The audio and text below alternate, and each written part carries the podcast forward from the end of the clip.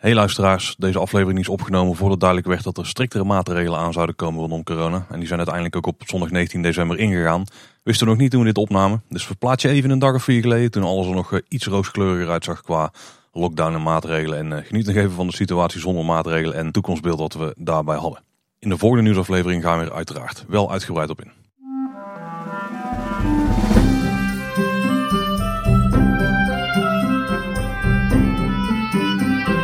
Welkom beste luisteraars bij weer een nieuwe kleine boodschap. Ja, welkom bij de 249ste aflevering van de podcast over alles Efteling. Met Tim Hinsen en Paul Sprongers. We komen al dicht in de buurt in van nummer 250. Ja, onze 250ste aflevering, onze jubileumaflevering. Eigenlijk de aflevering die vandaag uit had moeten komen, volgens onze planning. Dus overigens goed dat niet helemaal zo is doorgegaan, want het kwam niet helemaal uit qua timing. Had nummer 250 moeten zijn, maar dat wordt de volgende aflevering. En dat wordt toch ook wel een hele speciale. Ja, dat wordt dus niet die live opname met 200 eh, luisteraars en twee bijzondere gasten vanuit de Efteling. Uh, maar in plaats daarvan hebben we een, uh, ja, toch wel een hele bijzondere aflevering die we in de Efteling hebben opgenomen. Van de plank getrokken, zodat we toch een hele bijzondere aflevering hebben als 250ste. Zeker, dat is uh, volgende week, let wel op. Dat is maandag 27 december. Misschien ben je nog aan het uitbuiken van, uh, van de kerst. Check in de ochtend even je podcast app, want daar staat echt een hele chique aflevering voor je klaar. Ja, deze wil je niet missen, ondanks dat je niet naar het werk hoeft of niet naar school. Maak toch even een, uh, een uurtje of twee vrij, want ja, deze moet je horen. Zeker, Tim, in deze aflevering ook heel veel om te bespreken. De, de wereld van Simbad, we weten wanneer die open gaat. Yes, en, en er was ook verrassend nieuws hè, over de 70ste verjaardag van de Efteling. In één keer uit het niks, ja, dus we hebben zat te bespreken. Maar nog meer nieuws, maar dan vanuit onszelf. We weten ook wanneer de nieuwe datum voor Kleine Boodschap 250, of we noemen het voortaan Kleine Boodschap in het theater, want we weten het nog niet exact wat het gaat horen. Maar daar hebben we een nieuwe datum voor.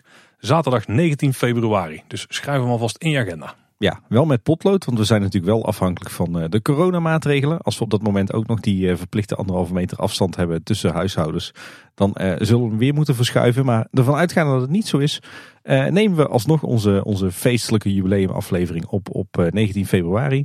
dan hebben we inmiddels weer de theaterzaal van het klavier geregeld en de gasten vanuit de Efteling, die zijn er ook bij. Dus ja, we hebben een, een herkansing gepland. En heel belangrijk, als je tickets al had gekocht, die blijven gewoon geldig. Dus die kun je gewoon houden, dan kun je de 19e gewoon mee binnen. Heb je nou nog geen tickets en denk je, hey, 19 februari, dan kan ik wel. Dan zijn de, de laatste paar tickets die we hebben, die zijn in de verkoop op dit moment. En die kun je vinden via kleineboodschap.com slash kb250. Gewoon de oude URL nog steeds. En daar eh, vind je al informatie erover. Ja, we hopen eh, zoveel mogelijk eh, van onze luisteraars daar, daar te zien. En hopelijk kan het daadwerkelijk op 19 februari alsnog plaatsvinden. Er zijn nog maar enkele tientallen tickets beschikbaar, dus ben er wel snel bij. Hey, en Paul, je had het er net over dat onze luisteraars eh, even moeten opletten op de maandag na kerstmis. Maar eh, voor de luisteraars die alleen iedere maandag op onze website eh, kijken, misschien ook wel even een, een heads-up. Want we hebben laatst uh, weer een bonusaflevering uitgebracht. Hè? Ja, de opening van Bekkerij Krumel, die hebben wij uitgebreid vastgelegd. Een hele toffe reportage op locatie, Tim. Dat was aflevering 247, dus mocht je hem niet gehoord hebben, dan kun je hem alsnog terugluisteren in je podcast-app of op onze website natuurlijk. Ja, en dan nog iets heel tofs. Babynieuws in podcastlandschap. Ja, er komt weer een eh, pretpark eh, podcast papa bij. En dan verraad je meteen al dat wij het dus niet zijn. Maar uh, Maurice van Teamtalk die verwacht een kleine. Dus Maurice bij deze van harte gefeliciteerd. Ja, van harte gefeliciteerd. Wat een tof nieuws. En uh, ja, welkom bij de club zou ik zeggen. Tim, we gaan door naar de follow-up. We hebben het in het verleden wel eens gehad over Max en Moritz. En hoe het dan zat met, als je met twee kinderen eraan kwam. En uh, eentje daarvan die was nog niet 1,30 meter. Waardoor ze niet zelfstandig in de achtbaan mogen. En je bent maar met één ouder. Ja, een beetje een situatie waar wij ons beiden wel eens in bevinden. Nou, ik probeer hem nog steeds te omzeilen. Heb jij het al wel eens meegemaakt? Ik uh, nog niet, maar mijn, uh, mijn vrouw wel. We hebben het verleden wel eens over gehad dat wat ze dan nog wel eens deden, dat is ons wel overkomen toen we samen de single riders lane ingingen. Dat dan het kind wat alleen in de attractie gaat, dat daar dan iemand uit de single riders line wordt bijgezet. Wat we de laatste weken regelmatig zien is dat alleen de single riders open is, dat dat de reguliere wachtrij is geworden, zeg maar. Hoe werkt het dan? Ja, dat eh, weet ik uh, dankzij, uh, dankzij Anne, mijn vrouw. Die is laatst in Max Moritz geweest met onze twee dochters. en toen was het dus geen single rider line. Maar dan heb je gewoon de baby switch. Oh. Dan houdt het personeel gewoon een van je kinderen bij zich op het perron. Of eigenlijk natuurlijk niet op het perron als die trein voorbij raast, maar netjes achter de hekjes. en dan kun je er dus eerst in met je ene kind. En vervolgens mag je blijven zitten en kan je de rit erna met je andere kind. Oh, vet. Dus dat lossen ze heel netjes op. En de kinderen die worden ook echt uh, in de tussentijd. Die vinden dat ook helemaal geweldig, want die worden helemaal in de, in de watten gelegd. Dus dat, dat lossen ze op die manier op. Misschien nog wel, wel prettiger dan, dan dat er een vreemd iemand uit de single rider line naast jouw kind wordt gezet in de trein. Ja. Zeker. Ja, toffe Ik oplossing. Ik heb trouwens inmiddels alle entrees van eh Max en Moritz gehad. Ik had er nog eentje op een to-do-list staan. En ik was laatst was ik in het park met iemand in een rolstoel. Ja. En toen eh, gingen we via de minder valide ingang eh, Max en Moritz in. Dat is eigenlijk wel tof, want dat is dus die lift die daar bij het controlehokje zit.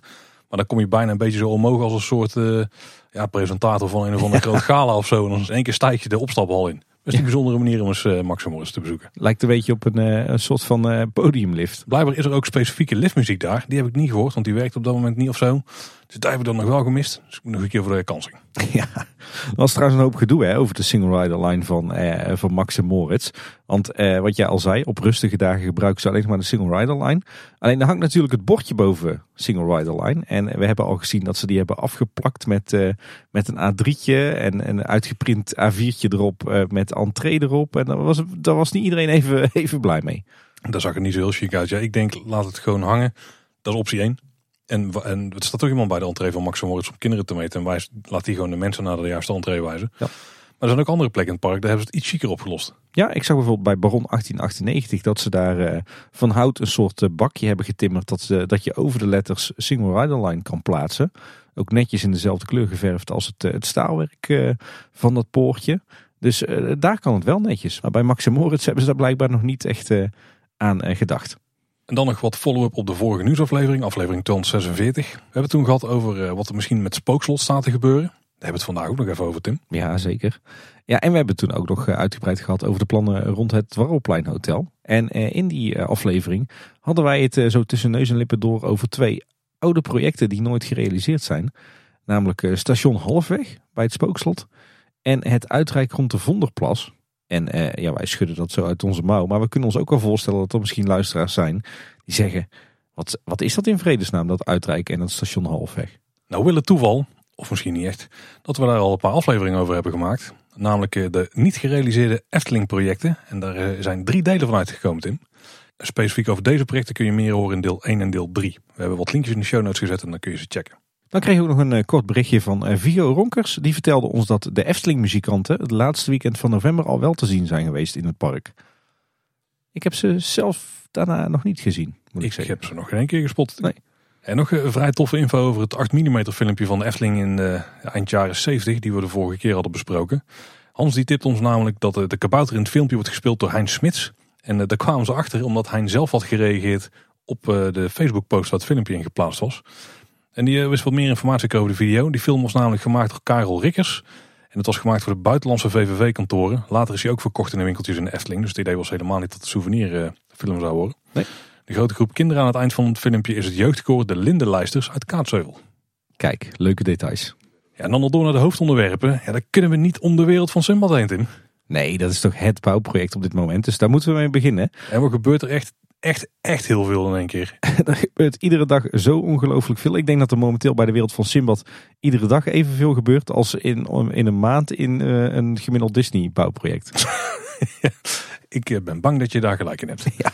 Nou ja, we- we zien nu vooral heel veel van de details aangebracht worden. En echt de, de, de grote stukken thema en decor. Ja, en dit is echt heel tof. Hè? En, en wat trouwens ook heel belangrijk is, laten we daar maar mee aftrappen. We weten eindelijk wanneer de wereld van Simbad gaat openen. Ja, op 1 januari 2022. En waarom nou 1 januari? Omdat eh Sirocco en Archipel het cadeautje voor de 70ste verjaardag van de Efteling gaan zijn. Zullen we het daar eh, dadelijk even over? Ja. Oké. Toch wat anders dan we in eerste instantie dachten. Hè. Er, werd, eh, er circuleerde eerst een gerucht dat het 14 december zou worden. Later zou het misschien kerst zijn. Op de bouwdoeken stond winter 2021. Dat is dus ook niet helemaal waar. Net niet. Maar eh, het, het wordt uiteindelijk dus 1 januari. Misschien een beetje een, een gekke dag voor een opening. Het is een hele gekke dag zelfs voor een opening. Het is een nationale feestdag. Het is al op een zaterdag. Iedereen is vrij. Maar zouden de bouwvakkers op 31 december klaar zijn en dan gooien ze het meteen open. Ja, misschien dat er van tevoren toch nog wat previews zijn of zo. Ik weet het. Is een hele vreemde dag, voor, vooral als je pers wil uitnodigen. Dus ik weet niet of dat ze dat gaan doen. Ik eh, denk dat ik zelf ook moeite heb om er te zijn op die dag. Ik, eh, het park opent die dag natuurlijk om 9 uur s ochtends. Ik vraag me af of er heel veel pers en fanmedia en maar ook natuurlijk de Eftelingers die, bij, die erbij betrokken waren. Of dat die allemaal erop zitten te wachten om op 1 januari om 9 uur van de partij te zijn. De timing lijkt gewoon echt helemaal op de 70ste verjaardag gericht te zijn. Dus wat dat betreft snap ik het wel. Overigens bij die aankondiging zaten toch een paar kleine nieuwe details. Eh, de attracties werden namelijk omschreven. En over Archipel zeiden ze een waterspeelplaats waar jonge ontdekkingsreizigers de elementen trotseren. En daar komt die En op zoek gaan naar verrassingen die er verscholen liggen. hey, dat is een interessant. Die hebben we nog niet eerder Dat is gehoord. interessant, ja. En ik moet zeggen, er steken op heel veel plekken nu nog van die rode eh, mantelbuizen uit de grond. Dus ik denk inderdaad dat er nog wel wat eh, effectjes en dingetjes in gaan komen die je dan kunt ontdekken. Ja, of misschien zitten er wel interessante effectjes en, eh, en, en decor-items in de, de verschillende hutjes. In de hutjes, ja. Dat zou ook tof zijn. De omschrijving van eh, Sirocco die heeft wat minder nieuwtjes. Die omschrijven ze namelijk als waar je met het hele gezin een duizelingwekkend avontuur beleeft totdat de storm weer gaat liggen. Ja, dat konden we eigenlijk al uit eerdere blogposts ook wel herleiden. Hè? En uit ons interview met Sander natuurlijk. Ja. Hey, en eh, nog een leuk nieuwtje trouwens uit datzelfde blogbericht. We zullen er ook even naar linken in onze show notes. Eh, er komt een derde aflevering van de Making of aan. Eh, die wordt gelanceerd in de kerstvakantie. Wanneer precies weten we nog niet. Maar die gaat over de muziek. En ja, die bestaat uit een, een interview met natuurlijk René Merkelbach. Oeh, en ik heb begrepen dat René heel blij is met hoe de muziek heeft uitgepakt.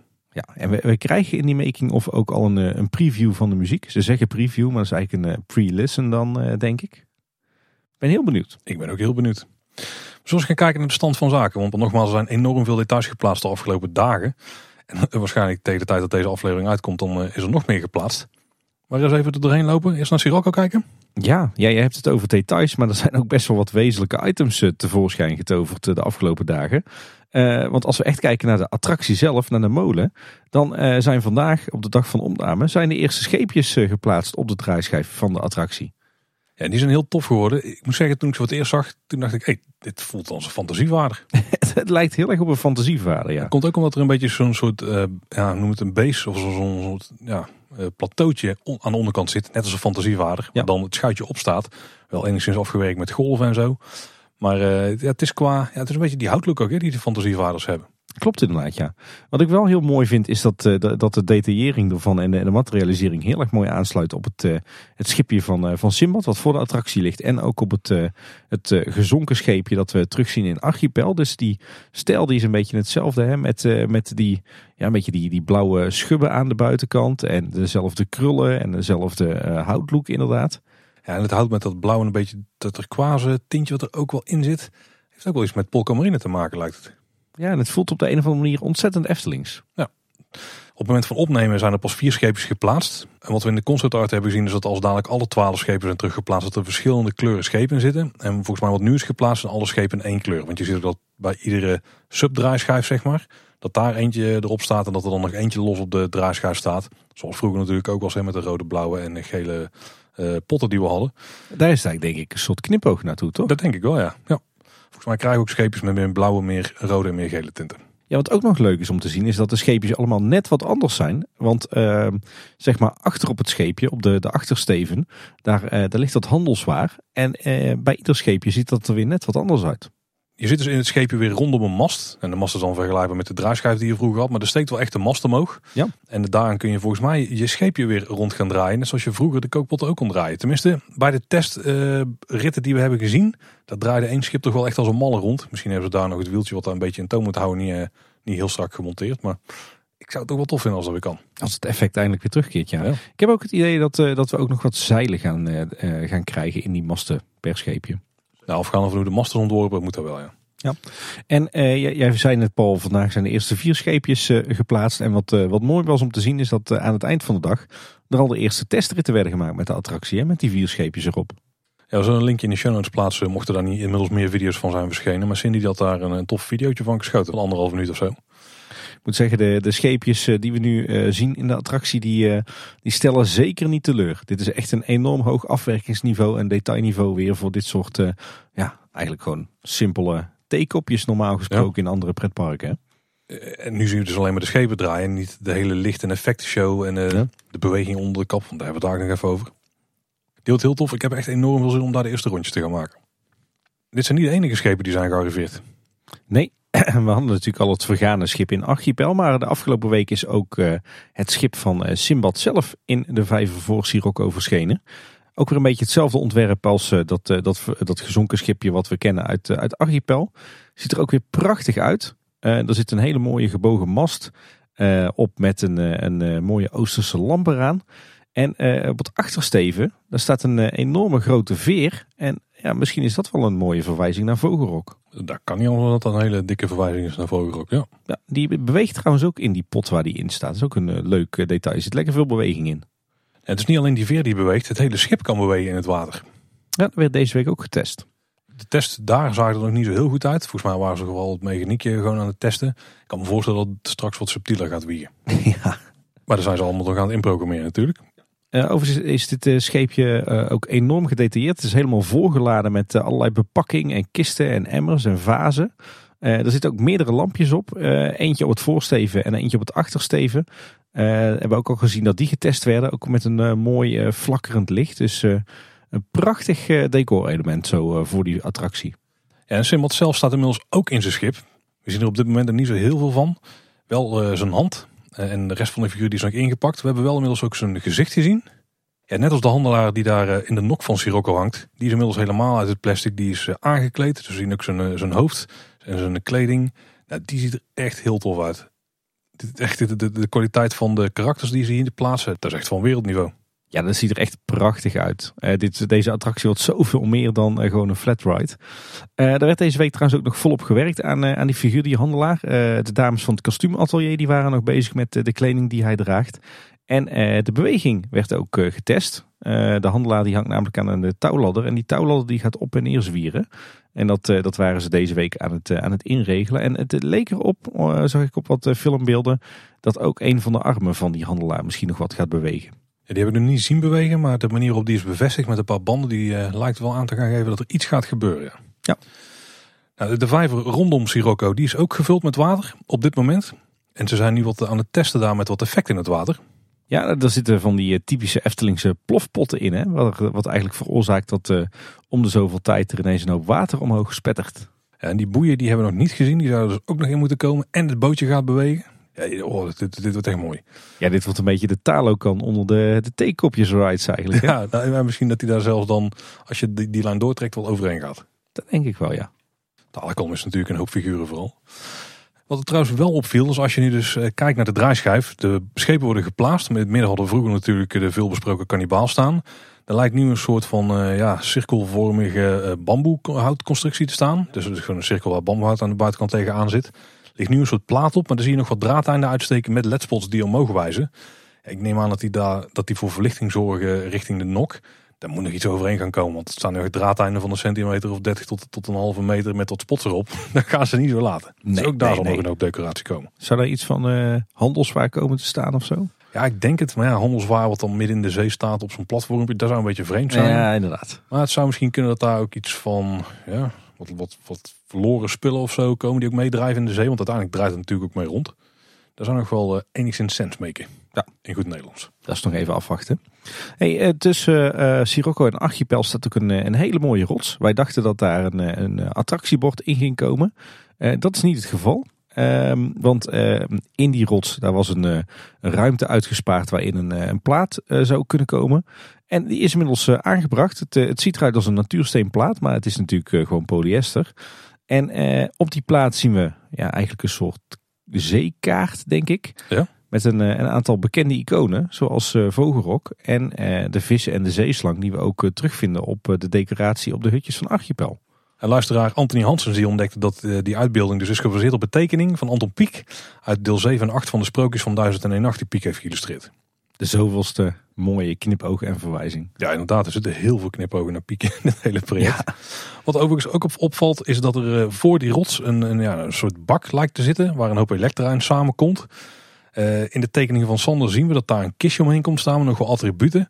Maar ik vind het heel vreemd dat het daar zo voor die rots zit. Waarom zouden ze voor die plek hebben gekozen? Al makkelijk in de achterkant van die rots kunnen wegwerken. Ja, ik dacht in eerste instantie, als dit het attractiebord wordt, dan zit daar gewoon de techniek in om die wachttijd weer te geven en zo. Uh, maar ja, dat wordt het niet, want we, we hebben hier gewoon die, die prachtige gedetailleerde plaat met, uh, met die kaart erop. Misschien dat er hier dan nog wat spotjes in komen die op die, uh, die kaart gericht staan. Ja, we moeten hier vanaf onderaf er tegenaan schijnen. En dan kan er niemand in het schijnschool gaan staan tegenover een spotje wat, wat verder weg in een paal zit. Nou, het zou zomaar kunnen. We gaan het zien. Ja, misschien zit er ook hier nog wel een leuk effectje in of zo, waar die, die kist voor nodig is. Ja, ik hoop er heel even. Ik, leek me niet realistisch gezien de huidige uh, projectorontwikkeling in de Efteling.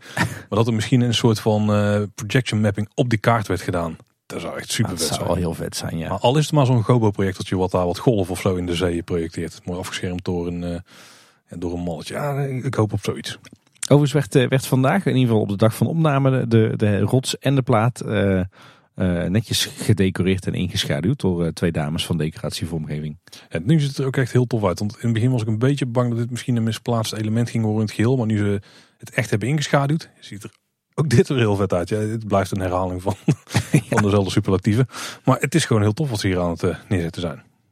Zeker. En nog wat kleine puntjes rond eh, Sirocco. Inmiddels eh, is de hele meandering en ook eh, de draaischijf voorzien van netten rondom. Dus er is geen gevaar meer dat kinderen in het water vallen. En rond de in- en uitgang van Sirocco wordt nu ook nog wat extra decoratie aangebracht. Zo zag ik van die hele grote terracotta potten en vazen die worden geplaatst. Die zijn natuurlijk niet echt van, van terracotta, maar die zijn gewoon van polyester.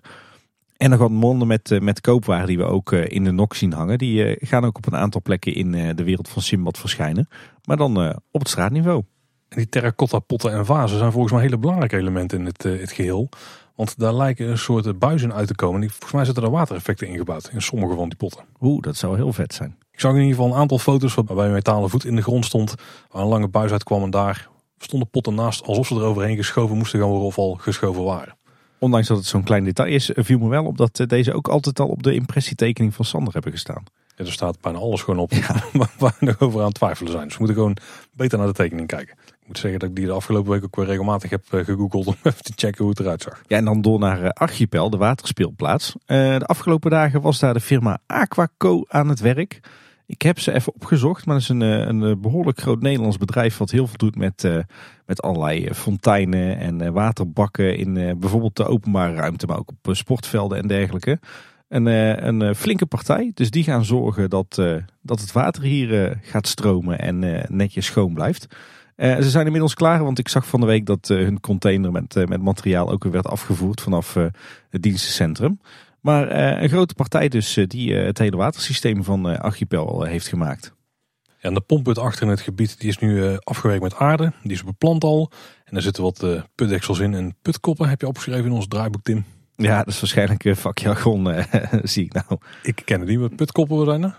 Dat is de betonnen rand die op een put legt en waarin de, daarna vervolgens de deksel wordt geplaatst. Nou, luisteraars, jullie hebben bij deze weer iets geleerd. bij de hutjes zijn een hoop eh, klimnetten aangebracht. En ook, een, eh, ook nieuwe handgrepen en wat losse touwen. Dus zaken die we eerder niet zagen. Ja, en eh, een van die hutjes is ook voorzien van een hijsbalk met daaraan een klimtouw. Dus je kan dan denk ik vanuit het water via dat klimtouw het hutje inklimmen. Verder is volgens mij de afgelopen week zijn al die hutjes ook netjes afgewerkt. Want ik zag dat er op heel veel plekken nog wat bijgewerkt en geschuurd is. Dus ik denk dat ze nu helemaal vlak zijn om door de keuring te komen. En op de betonvloer zijn een hoop kunststof kistjes aangebracht. Volgens mij voor over de ledspots. Want die zag eh, afgelopen week op een paar punten nog gewoon ja, langs de rand van die bak staan. Met een paar draadeinden erbij. Dus die zullen daarop bevestigd zijn. En we hebben natuurlijk het gestrande schip. Wat daar door midden ligt gebroken. Er is een enorme bruine kunststof scheepsmast geplaatst. En volgens het ontwerp komt daar nog een vlag aan. Of misschien een soort afgescheurd eh, stuk zeil of zo. En dan heb je daar dus die, die loopbalk met die mast ernaast. Ja, dit klopt, thematisch klopt dat natuurlijk netjes. Ja, ja, en we hadden al eerder gemeld dat er allerlei eh, kistjes in het water liggen die straks als, eh, waarschijnlijk als stapstenen gaan dienen. Eh, er waren ook nog wat, wat verende elementjes aangebracht. Ik dacht, wat moet dit nou weer worden? Maar wat ze hebben gedaan is dat ze de, de bovenkanten van een aantal houten tonnetjes erop hebben geschroefd. Dus ik denk dat als je straks door het water loopt over die stapstenen, dat je ook op een aantal plekken op de bovenkant van een, een tonnetje kan gaan staan. En die zal dan waarschijnlijk een beetje op en neer wiebelen. Een beetje een duin in het water. Ja, en verder hadden we het net bij Sirocco al over dat, eh, dat overal netten zijn aangebracht om te voorkomen dat eh, kindjes in het water vallen. Eh, ook in Archipel is de nettenboer bezig geweest, want de hutjes die van raampjes zijn voorzien, daar hebben ze netten in aangebracht, zodat, zodat je niet door de raampjes naar buiten kan vallen in het water. En ook het, het hekwerk tussen Sirocco en Archipel, wat laatst is geplaatst, dat is inmiddels ook helemaal voorzien van, van netten. Ja, en dan door naar de landscaping. Ook goed om even stil te staan. Want alle muurtjes, alle rotsen, zeker ook die landkaart en zo eh, zijn meegewerkt, die zijn gedecoreerd en ingeschaduwd. En heel tof, je kunt er ook heel dichtbij komen, want sommige die zijn ook al publiek benaderbaar. Ja. En het ziet er heel vet uit ook hè. ja, het is echt weer eh, klassiek Eftelings eh, inschaduwwerk. Hè? Ik vind altijd heel bijzonder dat je weet dat die muurtjes gewoon wit zijn ge, ja, geblokkwast zeg maar. En dat ze dan een dagje zichzelf boos om maken. En dan, dan zijn het gewoon net individuele stenen waar we stukwerk tegenaan is gegooid. Ik vind het echt heel tof. En dan staat het erbij alsof het er al 100 of 200 jaar eh, staat. Ja, inderdaad. En de groenstrook tussen Carnaval Festival en Vogelrok die is inmiddels ook aangeplant. Daar hebben ze wat bamboe in geplaatst en wat kleine palmbomen.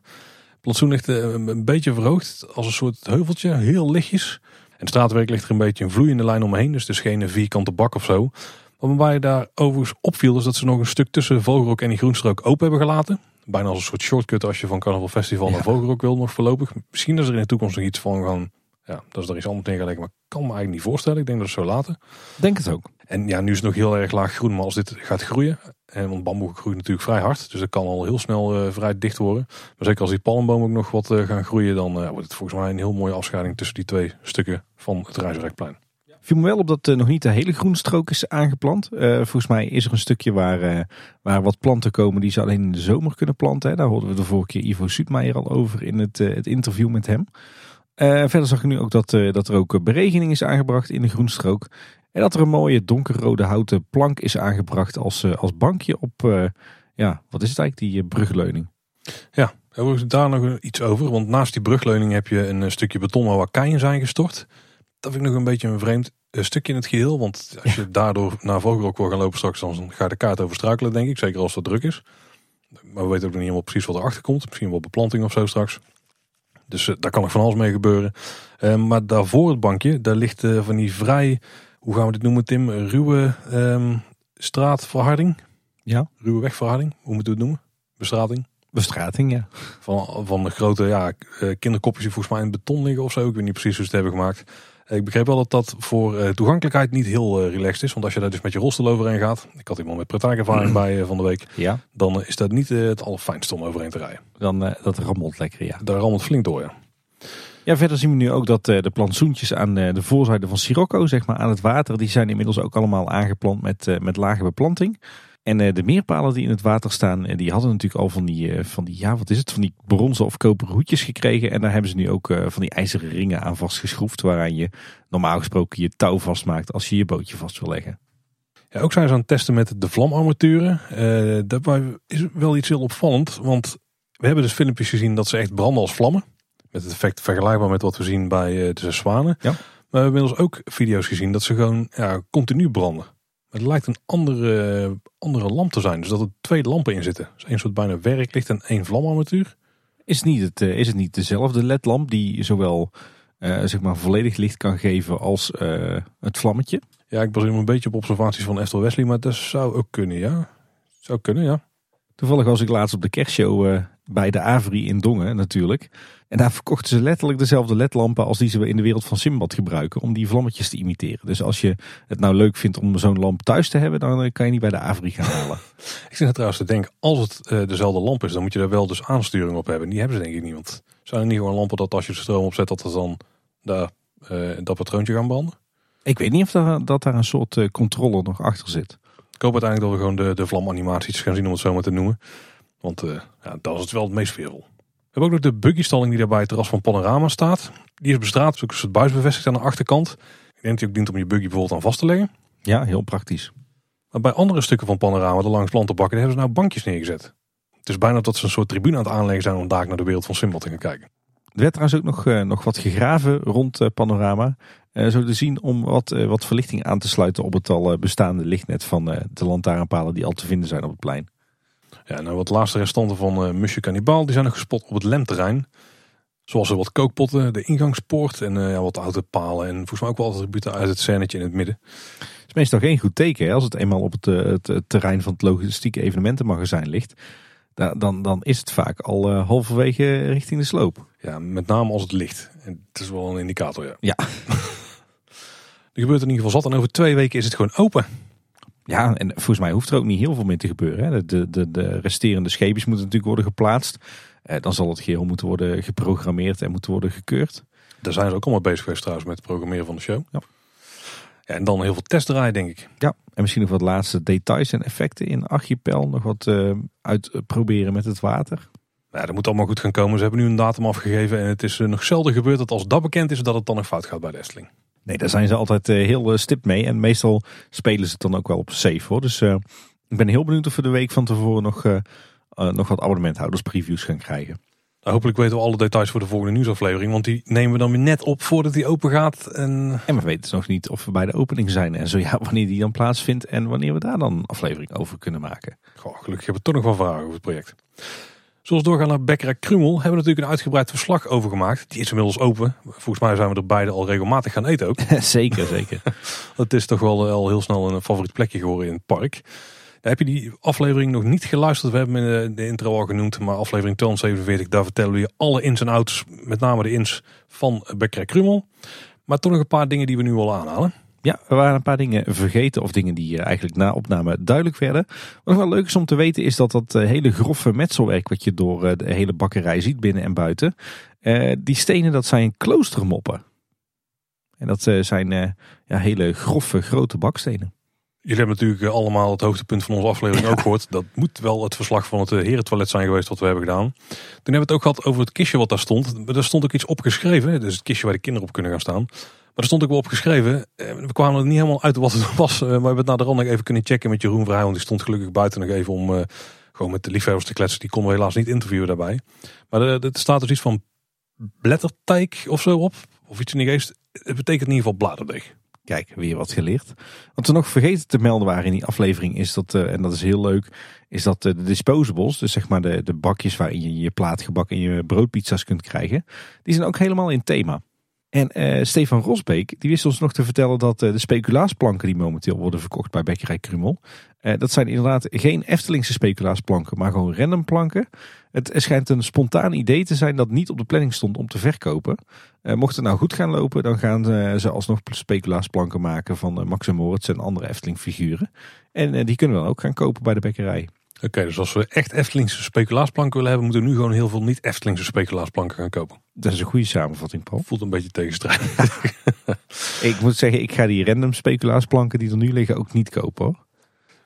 Nou ja, je weet, ik koop het sowieso niet. Dus dat is makkelijk hè. Wat ik wel overigens veel heb gekocht, dat bleek toch wel de populairste te zijn bij ons in het gezin, zijn die, eh, die koekruimels. Ja, ook oh, bij ons ook. Grappig. Ja, ja zeker. Ik, ik, heb van alles nog wel wat geproefd. Pretzels uiteraard ook nog steeds. Eh, volgens mij zelfs live in een Teamtalk aflevering. Al weet ik niet dat die uit is gekomen en dat ze er überhaupt in hebben geladen. maar ik kwam Thomas en Maurice nog tegen toen ze hun verslag aan het eh, opnemen waren. Ehm, maar die koekruimels is toch wel hetgene wat het meeste besteld moet worden bij ons. Ja, bij ons ook. De kinderen die eh, vinden dat de perfecte snack. Ja. Oh. Had ik niet verwacht van tevoren. Nee. Maar ik moet zeggen, de smaak ook wel toch vrij goed. Ik ben er ook meer fan van geworden. Ik vond ze toen wat droog, maar ja, een beetje in het park met zo'n zakje werkt best goed. Er eh, lag laatst nog zo'n half zakje ergens op het aanrecht. En ik had ineens een vreetkik ergens om uh, rond middernacht. Ik heb uh, het zakje soldaat gemaakt. Middernacht goed bezig. Ja.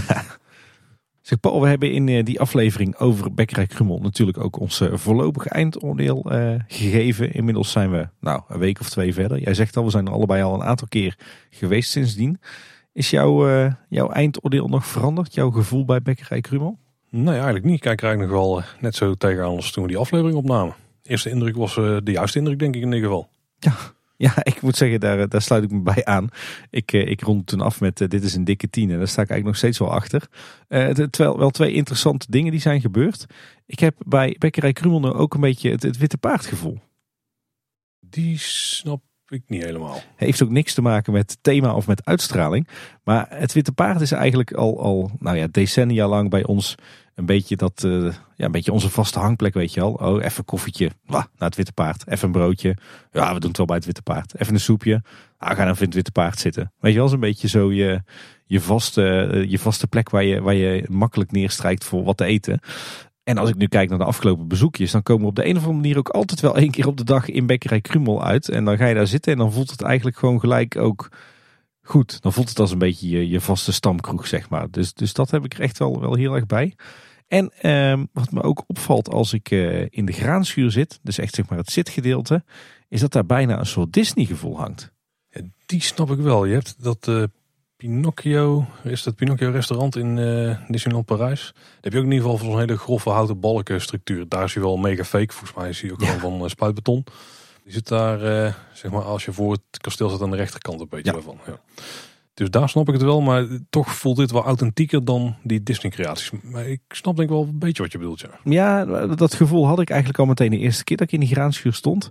Het doet me een beetje denken aan, aan, aan Disneyland Parijs in betere tijden. Zeg maar, als je, als je vooral in mijn favoriete drie themadelen daar rondloopt. Dus zeg maar uh, uh, Main Street, uh, Frontierland en Adventureland. Als je daar rondloopt, zeker in de gedeeltes waar, die echt nog origineel zijn uit 92.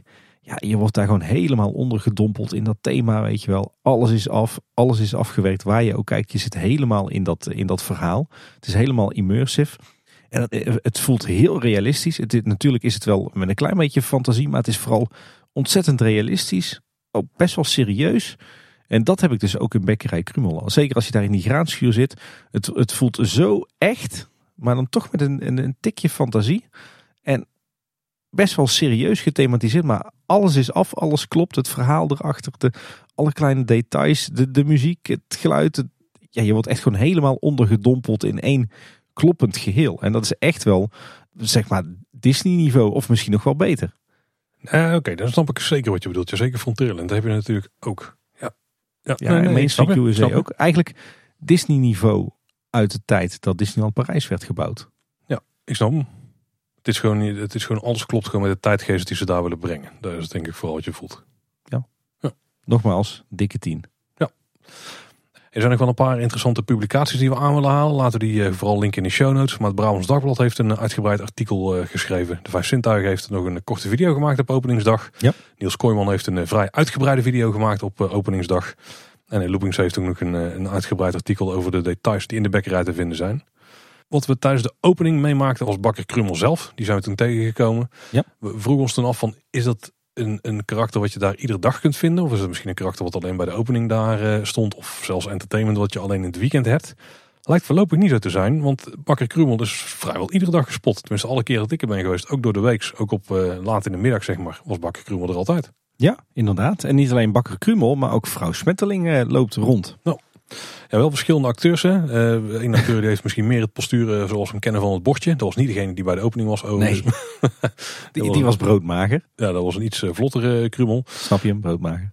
Ja, oh zo, zo. Nou, applausje Tim, dat was een hele goede. Ja. De vrouw Smetteling heb ik zelf nog niet gezien, maar ik heb ook foto's gezien waarbij ze beide tegelijk zijn gespot. Dus er zal ook wel interactie zijn tussen ze. Ja. ja, en ik vroeg me nog af, is het nou vrouw Bolte of vrouw Smetteling?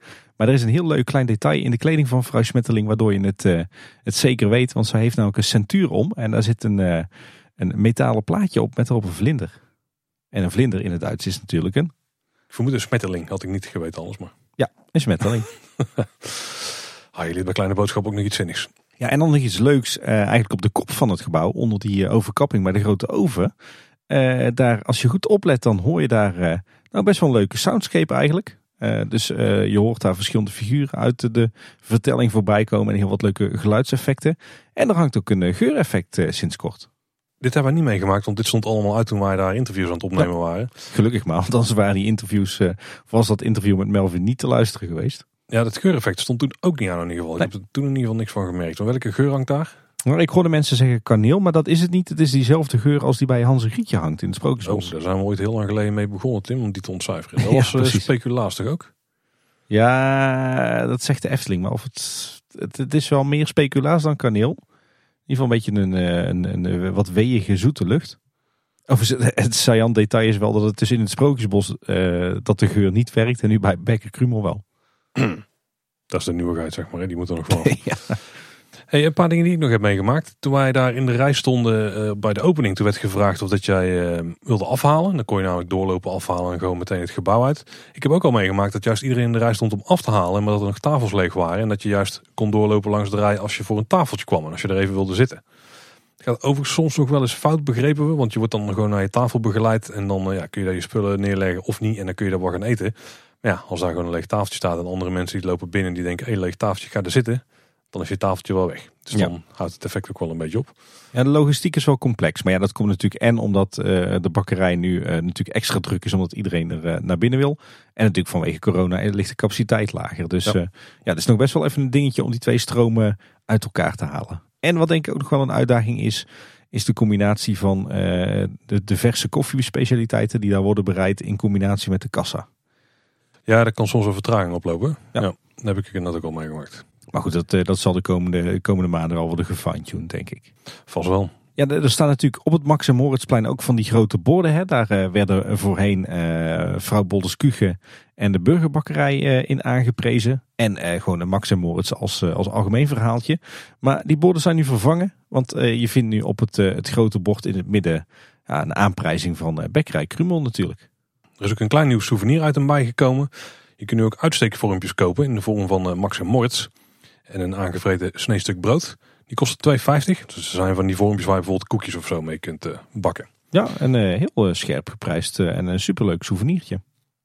En tot slot viel een luisteraar nog op dat je in de Efteling-app Bekkerij Krumel kunt waarderen met een aantal sterren. Als je in de app het horecapunt aanklikt. Oh, dat is het enige horecapunt waar dat dan kan dus. Volgens mij wel. Ik heb het nog verder nog nergens gezien. Maar moet ik toegeven dat ik ook niet echt in de app al die horecapunten aanklik. Want het is ook weer niet zo dat ik niet weet wat waar wordt verkocht. Maar... ja, dat is waar. Misschien doen ze dit alleen maar bij nieuwe dingen. Dus in de gaten houden in de toekomst. In ieder geval een mooi evaluatiepuntje.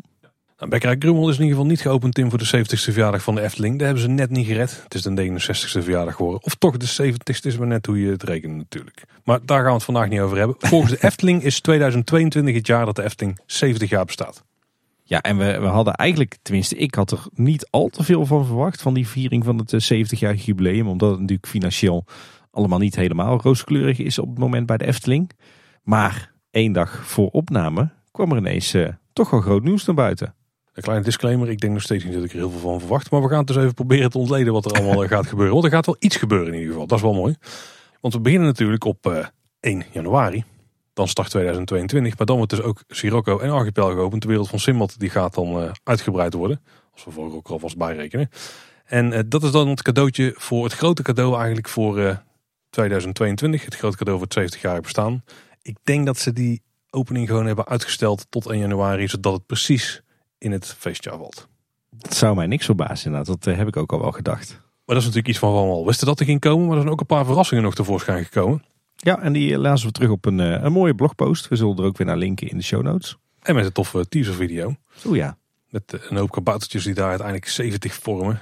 Ah, die was geweldig die video. Nadat Pardoes de hoedjes in lampjes tovert. Heel vet was die gemaakt. Ja, dat is echt een geweldige productie. Die past mooi in lijn met een aantal van die andere video's van de laatste tijd. Hè. Denk ook aan die video's die ze gemaakt hebben toen het park dicht was.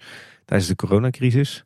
Een eigen soundtrack eronder van uh, René Merkelbach zag ik uh, op zijn Instagram voorbij komen. Deze leek ook heel veel op die video van de windwrestling, vond ik. Ja, klopt ja. Dus misschien tegelijk hebben geschoten zelfs. Ja, of in ieder geval denk ik dezelfde makers, hetzelfde steltje. Maar wel special effects erin met de kabouters die rondlopen. Ja, dat echt heel gaaf. Ik heb het filmpje inmiddels denk ik een keer of vijf gezien. En ik heb alle vijfde keren nog flink kippenvel gehad. En uh, wat extra details zien, maar onder een paar belangrijke. Ja. Moeten we zo eens even wat dieper op ingaan. Maar uh, we hebben via het blogbericht inderdaad horen gekregen dat begin februari, net na de winteresteling, de slingers opgehangen gaan worden in het park. En dat er feestmuziek te horen zal zijn. Oei.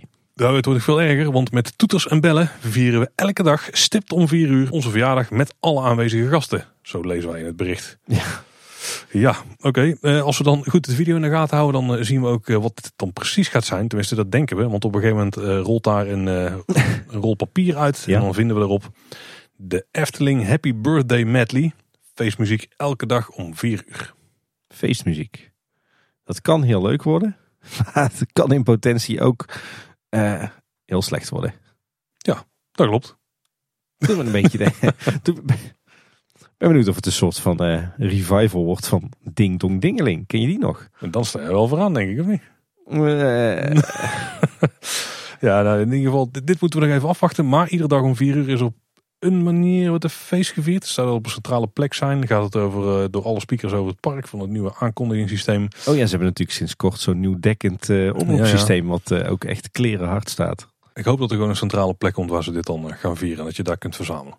Ja, en ik ben ook wel benieuwd hoe dat, uh, die versiering eruit komt te zien. Of dat het een beetje stijlvol wordt, of dat het echt uh, vlaggetjes van de Nexion zijn. Nou ja, we hebben ook een, een speciaal Efteling 70 jaar logo. Ze hebben dat lettertype van de Efteling gepakt, wat ze nu voor heel veel uitingen gebruiken. Er staat 70 mee. Uh, in de, de 0 staat dan een, een, rondje, een rood rondje met witte stippen. Nou, Tim, deze is gewoon een paddenstoel. Of een pizza. Ja. Maar, ik, maar ik vermoed een paddenstoel. Sorry voor iedereen die aan een pizza in ziet. Deze is uiteraard een paddenstoel. Met allemaal wat slingers en confetti die niet hadden meer staan uh, bij Carnaval Festival. Sterker nog, volgens mij hebben we die op een aantal plekken. Ja. Uh, ook in Carnaval Festival. Dus ik hoop niet dat dat ook de stijl van de vlaggetjes gaat worden. En ik zag ook ergens voorbij komen dat, uh, dat Langnek een feesthoedje opzet. Daar zat volgens mij ook een impressie van bij. Ja, dat was dus ook met dat logo erop. Een vrij erg papieren feesthoedje. Ik hoop dat het allemaal goed uit gaat pakken dit. Ik ben heel blij dat de Efteling heel veel gaat doen aan haar 70ste verjaardag. Maar het is wel altijd met dit soort tijdelijke dingen feestelijke festiviteiten dat het wel echt twee kanten op kan vallen.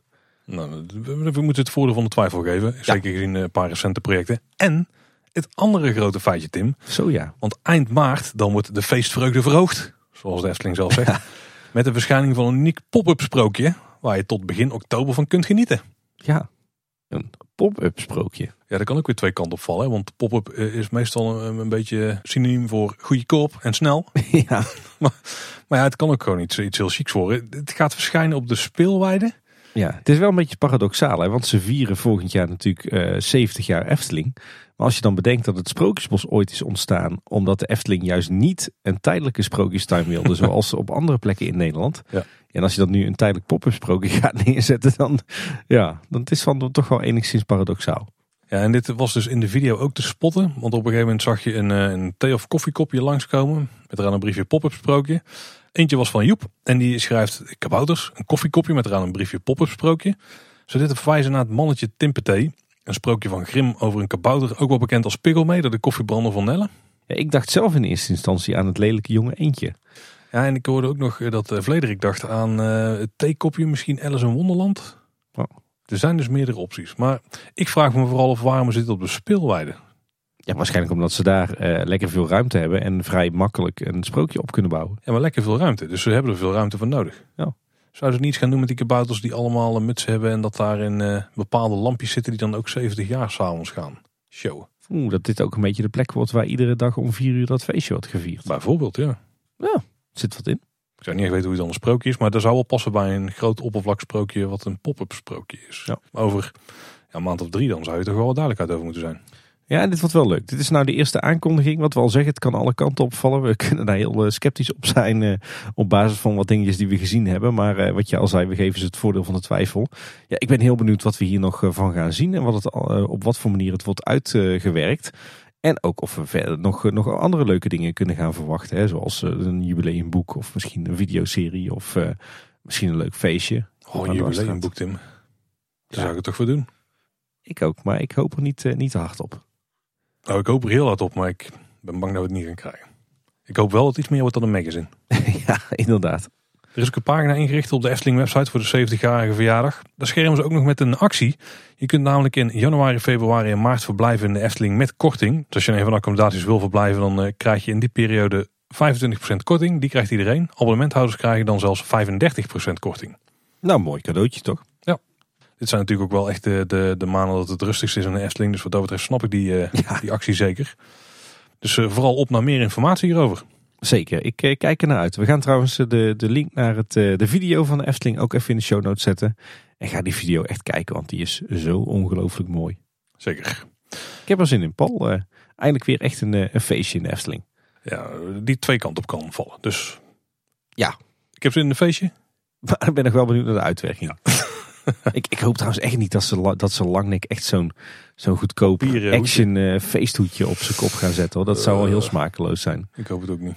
Ik ben een beetje denken aan, wat was dat, de viering van vijf jaar Disneyland Parijs? Dat ze het hele kasteel hadden omgetoverd tot één grote taart of zo. Ja, zoiets ja. Ja, nee, laten we hopen dat de Efteling daar uh, tegenwoordig ver van blijft. De Efteling en rechtszaal, het kan af en toe goed aflopen. Zoals we hebben gezien rondom de procedure van het bestemmingsplan. Maar de Efteling die was weer uh, gesprekstof bij een rechtszaak. Hoe zat het precies? Ja, we mogen het weer over vergunningen en procedures gaan hebben, Paul. Je... Nog een reden voor feest, denk ik. Nee, inderdaad, de Efteling die, die zat deze week weer in de rechtszaal. het ging over de milieuvergunning van de Efteling uit, die uit 2016 stamt. die is nog gebaseerd op een maximum van 5 miljoen bezoekers per jaar. Uh, en in 2017, 2018 en 2019 heeft de Efteling natuurlijk veel meer dan 5 miljoen bezoekers gehaald. En uh, het ging erover uh, op de vraag of dat de provincie dat had moeten handhaven. Dus of de provincie had moeten zeggen, je zit aan je 5 miljoen bezoekers en nou gaat de deur dicht. Nou, daar was er afgelopen zomer natuurlijk al wat ophef over. Hè. Toen was de zaak al bij de rechter. uiteindelijk was daar de uitslag van de rechtszaak dat er ehm, meer toelichting moest komen vanuit de provincie. Waarom ze nou niet gehandhaafd hadden. Uh, die toelichting die is daarna gegeven door de provincie en door de Efteling.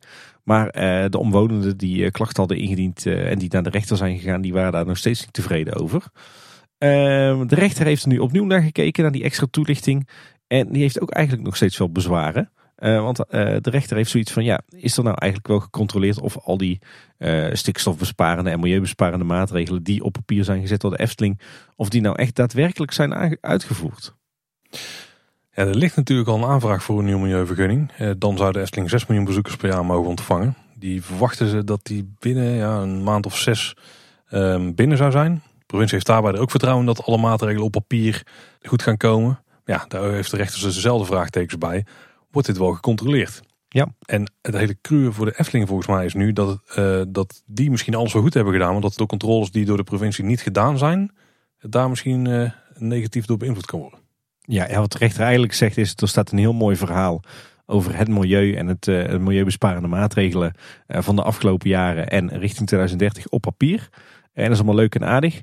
Maar wie zegt nou eigenlijk dat dit werkelijk gebeurt? Wie controleert nou of er minder hout wordt gestookt? Wie controleert nou of het eerst bladblazers op benzine waren en nu op elektra?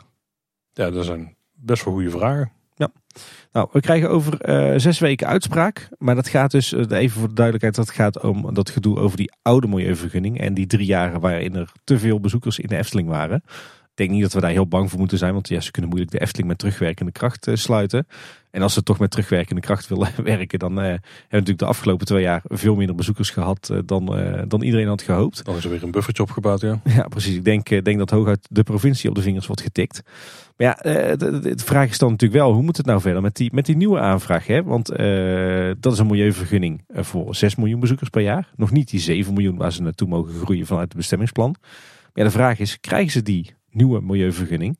En wordt daar dan geen bezwaar tegen ingediend? Ik denk dat daar de afspraken over de controles gewoon heel scherp in moeten worden vastgelegd. Ja, ja het kan en, ook en vooral worden nagekomen. Ja, inderdaad. En volgens mij moet dat niet zo moeilijk zijn. Want eh, de provincie kan op allerlei manieren toezicht houden via de omgevingsdienst. Of ze kunnen het bij de gemeente neerleggen. Ja, wat ik eigenlijk trouwens niet snap, is dat een aantal van de, de grootste maatregelen zijn getroffen. Die hebben natuurlijk te maken gehad met de, de verkoop. Of in ieder geval met het stoppen van het agrarisch uitbaten van een aantal percelen. Die zijn toch super makkelijk te verifiëren. En die hebben super veel invloed op de stikstofuitstoot.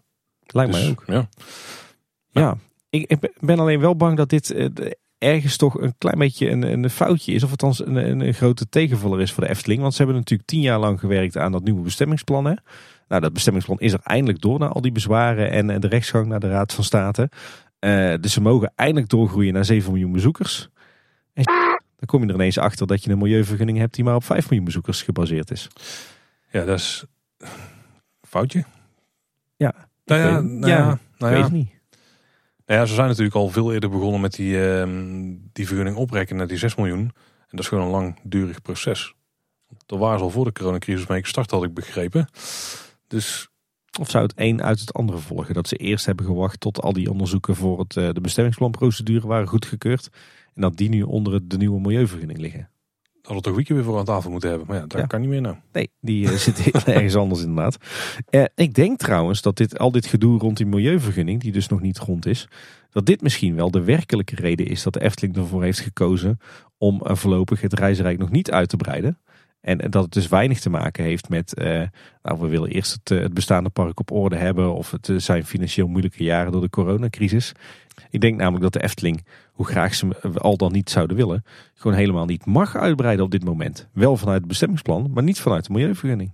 Waarom zou er vanuit de milieuvergunning niet mogen? Nou, trouwens, er zou een nieuwe milieuvergunning aangevraagd moeten worden, toch? Nou, volgens mij heeft uh, Wieke en Ivo uh, in, uh, in ons interview met, met hen toen uitgelegd dat binnen de huidige milieuvergunning nog de grenzen zitten van het park zoals die op dit moment zijn. En iedere keer als je iets buiten die grenzen wilde gaan doen, moet je een losse milieuvergunning aan gaan vragen. Want voor de stikstofuitstoot op zich, ja, dat maakt niet uit of dat je die werkzaamheden binnen of buiten het park doet. Je hebt dan die bouwwerkzaamheden, daarbij heb je stikstofuitstoot. Die zijn ook heel erg meegenomen in die, eh, die plannen die ze hebben gemaakt. En je hebt daarna meer aantrekkingskracht, waardoor je meer mensen naar je park trekt. Dus op dat punt maakt het niet zoveel uit. Het zou met die grens te maken kunnen hebben, inderdaad. Ja, je moet natuurlijk en je bestemmingsplan op orde hebben, maar je moet ook gewoon je milieuvergunning op orde hebben. En het bestemmingsplan gaat vooral over je ruimtelijke ordening, dus wat doe je waar. En je milieuvergunning gaat gewoon echt over je dagdagelijkse exploitatie.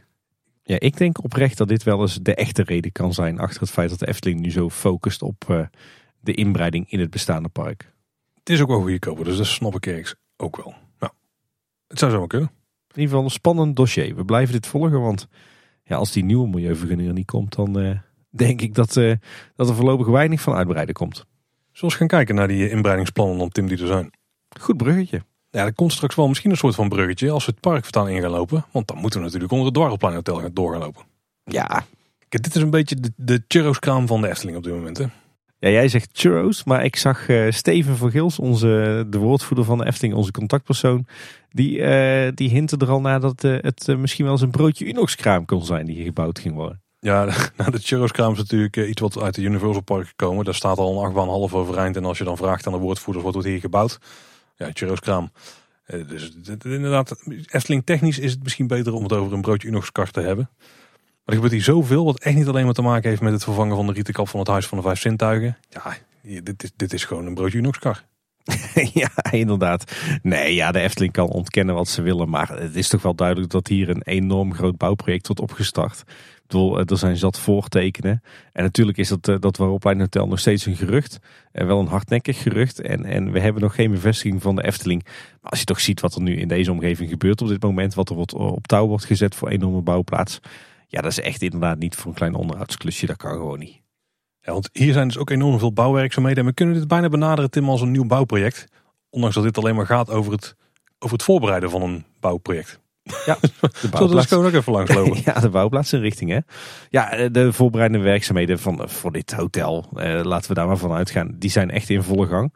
Eh, wat ze bijvoorbeeld hebben gedaan is dat er eh, wordt gewerkt aan ja, iets wat op een bouwschutting eh, begint te lijken.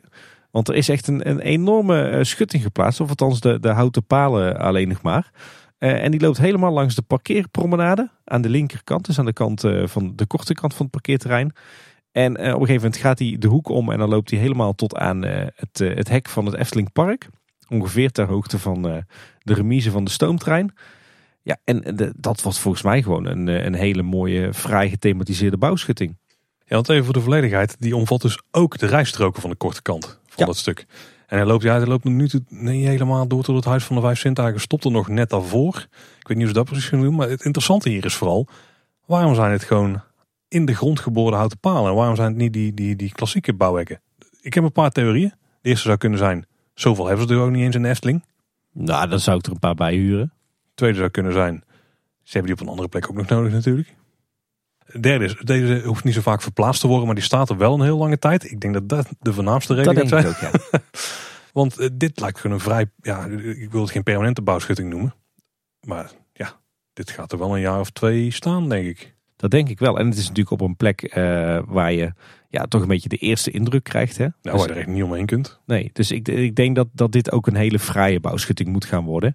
Uh, gewoon maar allemaal voor te zorgen dat, dat, het, dat de eerste aanblik als je, de Efteling, uh, als je bij de Efteling aankomt, dat het niet is een hoop bouwhekken. Ja, met van die lelijke voeten en af en toe als het flink waait, van die gelaste hekken ertussen en zo. Ik denk het ook, ja. Uh, maar wat wordt dit echt een enorm groot, bouw, groot bouwterrein. Hè? Ik bedoel, zo'n beetje de hele korte kant van het parkeerterrein, die verdwijnt gewoon. Ja, dit is meer ruimte dan dat ze toen hebben geclaimd voor Symbolica bijvoorbeeld. Al was daar natuurlijk een deel van de speelweide ook nog voor opgeofferd. Maar... Ja. ja, ik denk dat het komt omdat voor, voor een deel gaat het, uh, het Warroplein Hotel waarschijnlijk de parkeerplaats opkomen. Hè? Dus de, de, plek waar nu nog parkeerterrein is van de korte kant, daar zou straks ook een deel van het hotel moeten gaan komen. Mm -hmm. Nou, we horen ook verhalen dat er een, een facilitair gebouw op het parkeerterrein komt te staan. Heb ik nog een theorie over? Want als je nu namelijk kijkt waar die bouwschutting ophoudt, dan heb je volgens mij één rijstrook en dan krijg je al de personeelsfietsenstalling die in hetzelfde stuk ligt. Waarom heb je die ene rijstrook dan nog? Is het om daar doorheen te voeren of zou dat dan misschien een plek zijn waar het facilitair gebouw tijdelijk komt staan? Nee, dat is wel een hele rare plek voor een facilitair gebouw. Hè? Ben ik het zeker mee eens. Maar het valt me zo op dat daar die rijstrook is. Of zou er gewoon om nog het park te kunnen, uh, zou nog zijn om het park te kunnen bereiken vanaf de parkeerplaats? Er zit een, een brandweerpoort daar. In, ah, in dat zou dat zijn denk ik. Oké. Okay. En het kan ook nog de toegangsweg zijn tot het bouwterrein natuurlijk. Nee, die komt op de rijstrook zelf. Want uh, daar staan geen palen op ah, de rijstrook. Ja, ja, ja. Dus daar zal denk ik een schuifhek of zo komen. Dan zal het de, inderdaad de toegang tot de brandweerpoort zijn. Maar ik, denk inderdaad dat, dat dit bouwterrein zo groot is, zodat je en dat nieuwe facilitair gebouw kunt, kunt bouwen aan die parkeerpromenade. En je kunt het hotel bouwen. En je hebt natuurlijk gewoon enorm veel bouwplaats nodig voor al het materiaal wat je nodig hebt om, om hier dat hotel neer te zetten. Ja. De Efteling zelf die heeft daar ook nog wat cryptische omschrijvingen over. Want een woordvoerder van Efteling, Rara wie zou het zijn, die bevestigde volgens Loopings dat er op dit moment wordt gewerkt aan het neerzetten van een bouwschutting op het parkeerterrein. De officiële lezing zou zijn dat deze is bedoeld voor groot onderhoud aan de hoofdentree en optimalisatie van die omgeving. Ja, optimalisatie tussen aanhalingstekens. Die hebben we al vaker gehoord. Hè? Ja. ik denk dat ik op de laatste wel de nadruk mag leggen in dit geval. Naast uh, die bouwketen staat er trouwens ook een flinke sloopcontainer. En er zijn ook kantoorunits geplaatst van Gubbels. Ja, betekent dat er binnenkort waarschijnlijk eh, flink gesloopt gaat worden. Steen uit de grond getrokken. En eerder deze week werden trouwens ook, ook flink wat, wat van die groene bouwketen neergezet van, van Van Happen die de Efteling altijd inhuurt. Dus dat wordt waarschijnlijk het, het ketenpark van Efteling zelf. Ook al twee, twee bouwlagen, dus het wordt een groot ketenpark. Ja, de rietvervanger Tim, dat is echt spectaculair werk hoor. ja, dat zal het zijn. Uh, nog zo'n voorteken waar je eigenlijk niet omheen kan, is dat er de afgelopen twee weken enorm veel gegraven is rondom het Huis van de Vijf Zintuigen. Werd uitgevoerd door de firma Baas. die doen heel veel nutsvoorzieningen. Nou, dat werd ook wel duidelijk als je zag wat er gebeurde. er zijn ook een paar bomen gekapt. En er zijn met name heel veel sleuven gegraven rond de entree. Zowel aan de voorzijde als aan de achterzijde. Ik ben de afgelopen dagen een paar keer langs gelopen. Wat heb ik gezien? Ik heb hele dikke rode mantelbuizen gezien. Volgens mij eh, komt daar een, eh, een hele dikke stroomkabel in. Waarschijnlijk voor de, de eigen middenspanningsinstallatie van de Efteling. Dus dat betekent dat er ergens om het Huis van de Vijf Zintuigen heen... ergens een hele bak stroom naartoe moet. Uh, er liggen wat blauwe kabels. Die zijn voor tele telefoonlijnen. Wat datakabels. En ook hele dikke blauwe buizen. Wat impliceert dat hier ook nog een flinke waterleiding ergens naartoe moet. Zou dat dan, want dit was vooral aan de kant uh, van de groepsentree in Bosrijk. Ja, daar komt het vandaan. Nou, voor mijn gevoel komen al die, die kabels en leidingen een beetje vanuit de hoek van het, het logistiek evenementenmagazijn. En zeg maar de, de backstage van het Huis van de Vijf Zintuigen. En uh, gaat hij zowel voor als achter het Huis van de Vijf Zintuigen lang, langs richting het Dwarrelplein. Oké. Nou, dan, dan ga ik nog een theorie erin werpen. Het is eigenlijk dezelfde als die ik net had, maar dan op een andere locatie. Zou misschien die hoek waar de vakantiepark entree zit, zou dat dan misschien de plek worden waar die tijdelijke voorzieningen komen staan? Dus eigenlijk aan de andere kant van het Huis van de Vijf Zintuigen ten opzichte van waar ze nu staan. Want daar zijn ook van die werkzaamheden, dikke waterleiding voor het toilet. Ik denk dat dat meer de kant is van waar, uh, van waar al die nutsvoorzieningen komen. Volgens mij staat daar een grote trafo. Uh, waar je de stroom op kunt aansluiten. Volgens mij loopt daar ook de waterleiding langs die onder meer de Fata Morgana voedt. Dus volgens mij takken ze daar gewoon af en dan halen ze daar gewoon straks de stroom en het water voor het nieuwe hotel vandaan. Maar waarom kappen ze niet ook dan de bomen? Omdat ze de sleuf moesten graven. Moet je de boom voor weghalen? Ja, soms wel. Niet omheen. Dus maar hoe scoor je mijn theorie op een schaal van 10? Uh, vier. Oeh, oeh, dat is niet goed. Oké, nou, dan, dan gaan we toch ergens anders in zoeken ook wel interessant omdat ze op de plek aan het graven waren waar de resortgasten binnenkomen, kregen die tijdelijk een andere entree. En die was vrij bijzonder. Ja. Die gingen echt volledig over de back of the house. Want je moest dan uh, via een aftakking van het pad wat uh, door het Duits bosje heen lag. Daar hebben ze dus gewoon een nieuw pad eigenlijk gemaakt. Over het lenterrein heen. En dan naast de poort die uh, langs het theaterrestaurant ligt. Daar kwam je dan het park binnen. Dus je liep daar gewoon tussen de, ja, de bouwhekken heen. Was wel gewoon een entreetje gemaakt. Met ook een bosje erbij en zo. met alle maatregelen waar hij moest houden. Het was bijna een backstage tour, hè? Ja, bijna wel. Eigenlijk jammer dat we er zelfs niet doorheen zijn gegaan. Nee, hadden we toch even een, een overnachtingje moeten doen in Bosrijk. Ja, we hadden er gewoon aan die kant in kunnen lopen, denk ik. Ja, dat is waar. of moet je dan alleen moet je dan een postband hebben? Of mag je ook gewoon met je abonnement naar binnen? Dat had niet eens gekund, denk ik. Dat durf ik niet zeggen. Nou, volgens mij was de, de route voor de fietsers ook gestremd. Want je kon natuurlijk, er lag, oh, tijdelijk lag natuurlijk dat pad open. Dus ja, dan had je ook buiten omgemoeten. Wacht even, lag dat pad open? Ja, zeg maar dat, dat pad vanaf eh, de fietsenstalling richting, uh, richting de hoofdentree. Die lag ook open? Ja. Oh, oké, okay, dat heb ik niet eens meegekregen. Inmiddels uh, kunnen, kunnen alle verblijfsgasten en alle mensen die met de fiets zijn gekomen, trouwens wel weer via de geëikte weg naar uh, de hoofdentree lopen. Want de graafwerkzaamheden in die hoek die zijn voorbij. het concentreert zich nu vooral ja, op het dwarrelplein zelf. Hè? Ja, en er is nog een hoekje in het dwarrelplein waar ze aan het graven zijn. Namelijk achter de vrolijke nood. Ja. Oeh, dat is echt de plek waar het zou moeten gaan gebeuren. Ja, en uh, er is nu een gerucht dat de vrolijke nood op 1 april leeg zou moeten zijn. En dat het geen 1 april grap is. is, dat, is dat onderdeel van het gerucht? Ja. ja, dat klopt wel een beetje met de timing die we eerder hoorden. Volgens mij was het toen midden mei of zo. Ja. Uh, ja, ja, ja, ja. Ik, ik, denk trouwens ook dat ze nu die, die, eh, die nutsvoorzieningen aan het doen zijn. En niet alleen omdat dat typisch zo'n werkje is wat je al vooruitlopend op de vergunningsaanvraag kunt doen. Maar ook omdat dadelijk natuurlijk het hele huis van de vijf zintuigen in de stijgers komt te staan. Uh, vanwege de vervanging van al het riet. En dat is denk ik een klus die een paar maanden duurt. En ja, als dat, dat gebouw volledig in de stijger staat, dan kan je niet langs die stijger af ineens allemaal sleuven gaan graven om uh, een hoop stroom en water richting je hmm. nieuwe hotel te krijgen. Dat is, dat is ook zeker een goed punt, ja. Dus misschien dat ze hem daarom op de planning iets naar voren hebben getrokken. Om dat maar vast uh, allemaal in de grond te hebben zitten. Ik uh, scoor jouw theorie een 7,5. Ja. Dankjewel. Overigens, over die onderhoudsbeurt van het Huis van de Vijf Sintuigen hebben we iets meer duidelijkheid gekregen. Hij is nou officieel aangekondigd. Er stond zelfs een artikel over in het Brabants Dagblad. Het, een heel groot gedeelte van het riet gaat dit jaar vernieuwd worden. Een deel was al vernieuwd. Dus het gaat ze niet om heel de kap, maar wel om een groot gedeelte daarvan. Werkzaamheden die zouden denk ik begin volgend jaar moeten starten. Daar waren we een beetje wazig over.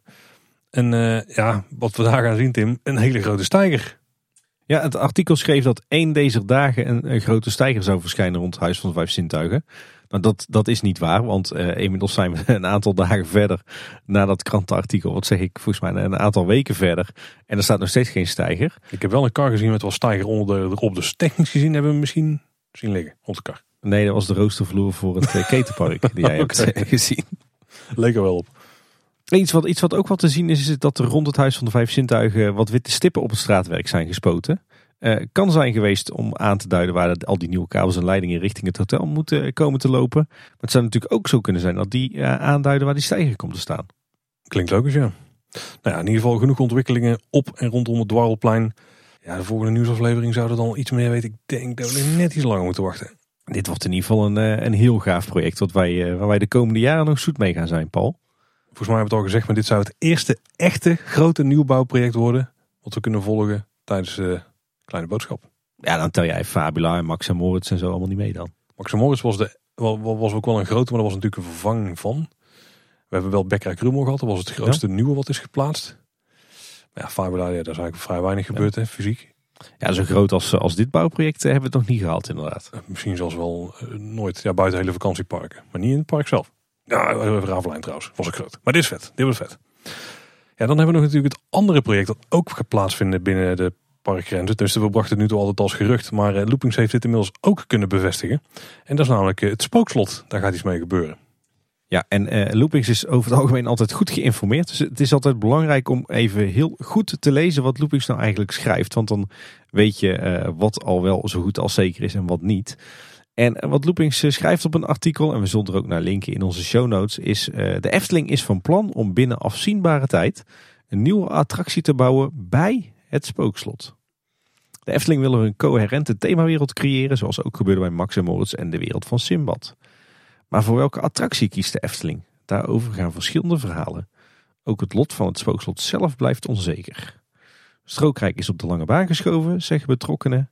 De focus komt eerst te liggen op het huidige attractiepark. Nou, daar hebben we net ook al een uh, kleine theorie voor opgezet natuurlijk.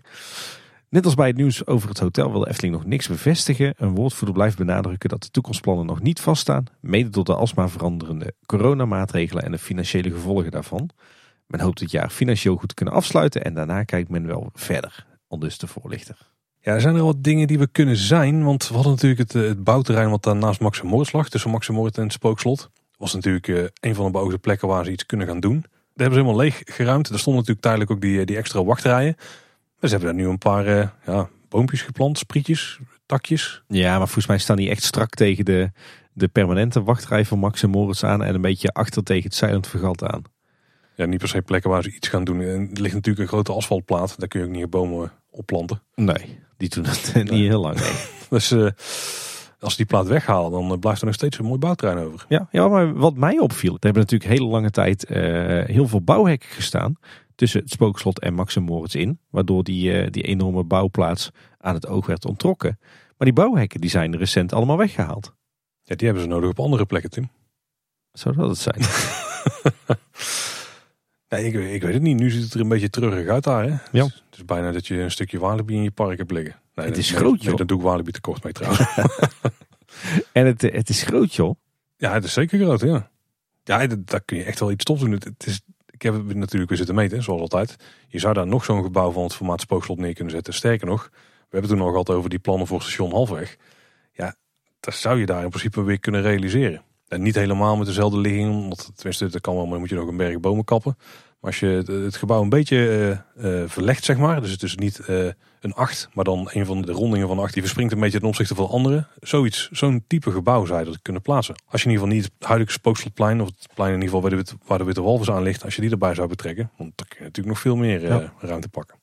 Maar een van de dingen die ik veel mensen heb horen zeggen is dat ze ja, misschien wel iets met het heksenpad moeten gaan doen. Ja, dat denk ik niet. Ik denk dat echt Nee. de gebied is waar ze gaan wegblijven. Blijf daar alsjeblieft vanaf. Dat is eh, een van de weinige nog echt groene plekken in de, in de Efteling op dit moment. Nee, ik denk dat ze daar sowieso willen wegblijven en ook eh, gaan wegblijven. Dat is echt zo'n uniek stukje Efteling. Volgens Ja. mij sinds de jaren 50 ook, niks, eh, ook weinig aan veranderd. En het pad langs de gondoletta waar vroeger de spiegel stond, dat is natuurlijk eh, ook nog een klassiek stukje Efteling. Ja, dat moeten ze zo laten. Maar eh, heel veel onrust en sceptisch onder de Efteling-liefhebbers. Maar wat, wat vinden wij er eigenlijk van, van die eh, plannen en geruchten rond het spookslot? Nou, volgens mij is Spookslot zelf, daar zijn wij eh, beide echt nog wel liefhebber van. We zouden het, dat kan ik ook voor jou spreken, heel erg zonde vinden als het gaat verdwijnen. Maar ik zou het wel begrijpen dat ze er iets mee willen gaan doen. Ja, ja er gaan toch al lang verhalen over de staat van het spookslot. Die die gaan volgens mij al twintig jaar. Eh, natuurlijk re- recent eh, eh, zijn er natuurlijk wat dingen losgekomen van de gevel en die zijn niet meer hersteld. Maar met name de, binnenkant van het gebouw zou het probleem zijn. Hè? Een stukje brandveiligheid, de, de, de, de technische installaties, hoe het allemaal is opgebouwd. Als je op, op Eftepedia kijkt of op Eftelist, dan kun je daar nog wat, wat foto's terugvinden van het spookslot achter de schermen. Ja, dat zijn allemaal houten vloeren die gestempeld en gestut zijn met een hoop opbouw, elektra en piepschuim. Ik kan me wel voorstellen dat op een gegeven moment de Efteling of eh, voor mijn part de gemeente of de brandweer heeft gezegd. En, en nu is het echt klaar.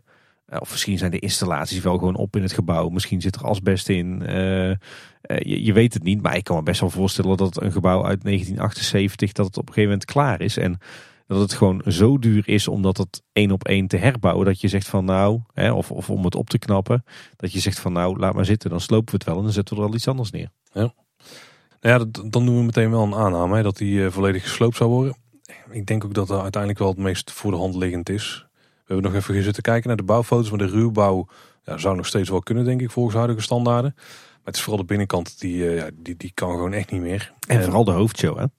Ja, helaas wel. Kijk, en zo'n type show zou het park nu ook nooit meer bouwen. Of geen enkel park ter wereld, denk ik. Je niet in de opzet nu met die gaanderijen en dan die glasplaten ertussen. Ja, die, die zijn denk ik nu ook wel vrij nuttig met de, vanwege de brandveiligheid. Dat maakt het iets meer te verantwoorden. Ik, ik ben bang dat we dit gewoon bijna helemaal gaan verliezen. En dan hoop ik dat in hetgeen wat er terugkomt, dan is het thema natuurlijk nog een groot vraagstuk. Ik hoop dat ze echt wel elementen van het spookslot gaan hergebruiken. En dat ze heel veel eh, hints. Misschien dat we door een nog verder ingestorte variant van die ruïne mogen lopen of zo. Maar dan door het decor zelf. Dat het dan een beetje de voorshow slash wachtrij gaat zijn. Met ook vleugjes van de muziek die we nog kennen. En dan uiteindelijk een attractie die daarbij hoort. Die, daar, eh, die, die ook de muziek weer, eh, weer gaat hergebruiken. Dat lijkt mij zelf het tofste. Ik hoor ook heel veel mensen die het hebben over dat het misschien bij de wereld van Pardoes wordt getrokken. Kan, kan ik me niet direct voorstellen. Ik denk dat Pantagor daarvoor te onbekend is. En dat de aantrekkingskracht van en Symbolica nog groot genoeg is. Maar dat eh, de side characters daar... eh, nou, ik, denk, ik denk niet dat dat, dat, dat gaat worden. Ja, ik moet zeggen, er is dus nog wat onzekerheid inderdaad van, joh, ehm, eh, blijft er nog wat van het spookslot bestaan of gaat het helemaal weg? Ja, aan de ene kant, ik ben natuurlijk een enorme nostalgicus en ik heb echt al ontzettend warme gevoelens bij het spookslot. Maar ik kan me heel goed voorstellen dat het gewoon echt klaar is voor het spookslot. In ieder geval voor alles wat je erin kunt vinden.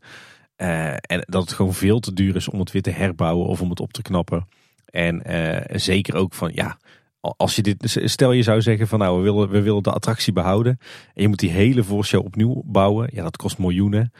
En eh, het, het heeft natuurlijk een attractiviteit en, en een spektakelwaarde die heel beperkt is tegenwoordig. Dus ja, ik zie ze dat niet meer doen. Uh, en dan ben ik het eigenlijk wel eens met jou, Paul. Of we moeten hopen dat het, uh, het gebouw, uh, de hoofdconstructie en de buitenzijde, dat die blijven staan. En dat er iets nieuws in komt. Hè, of dat het inderdaad gaat fungeren als een, als een voorshow. Of dat er een, een volledig nieuw gebouw uh, ontstaat en wordt gebouwd. En uh, dat, dat die inderdaad dat spookslotthema heeft. En dat we heel veel elementen daarin terug gaan vinden. Daarin uh, zitten wij wel op één lijn. Ik, ik zat trouwens ook te denken. als je ziet de attracties die de laatste jaren zijn gesloopt. Een Popcamarina, een Monsieur Cannibal. Hey, ja, wat bewaar je daarvan? Nou vooruit. Een walvis en een, en een bootje. En misschien een kookpot en misschien die kannibaal. Maar dat is het wel dan, toch, qua iconische elementen. Mm -hmm. Ja, maar, die hebben ze bewaard, maar daar hebben ze verder ja. ook niks meer mee gedaan eigenlijk. Maar stel je gaat het spookslot slopen. Oeh. Wat ga je dan allemaal wel niet, wel niet bewaren? ja. Er zitten zo ongelooflijk veel prachtige, iconische elementen in.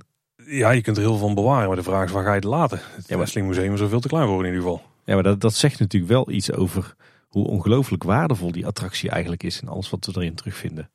Ja, er zijn wel delen die ze misschien kunnen hergebruiken gebruik. Ja, dat is toch lastig als je naar moderne maatstaven zou gaan bouwen. Dan doe je bijna alle oplossingen anders dan wat ze daar hebben gedaan.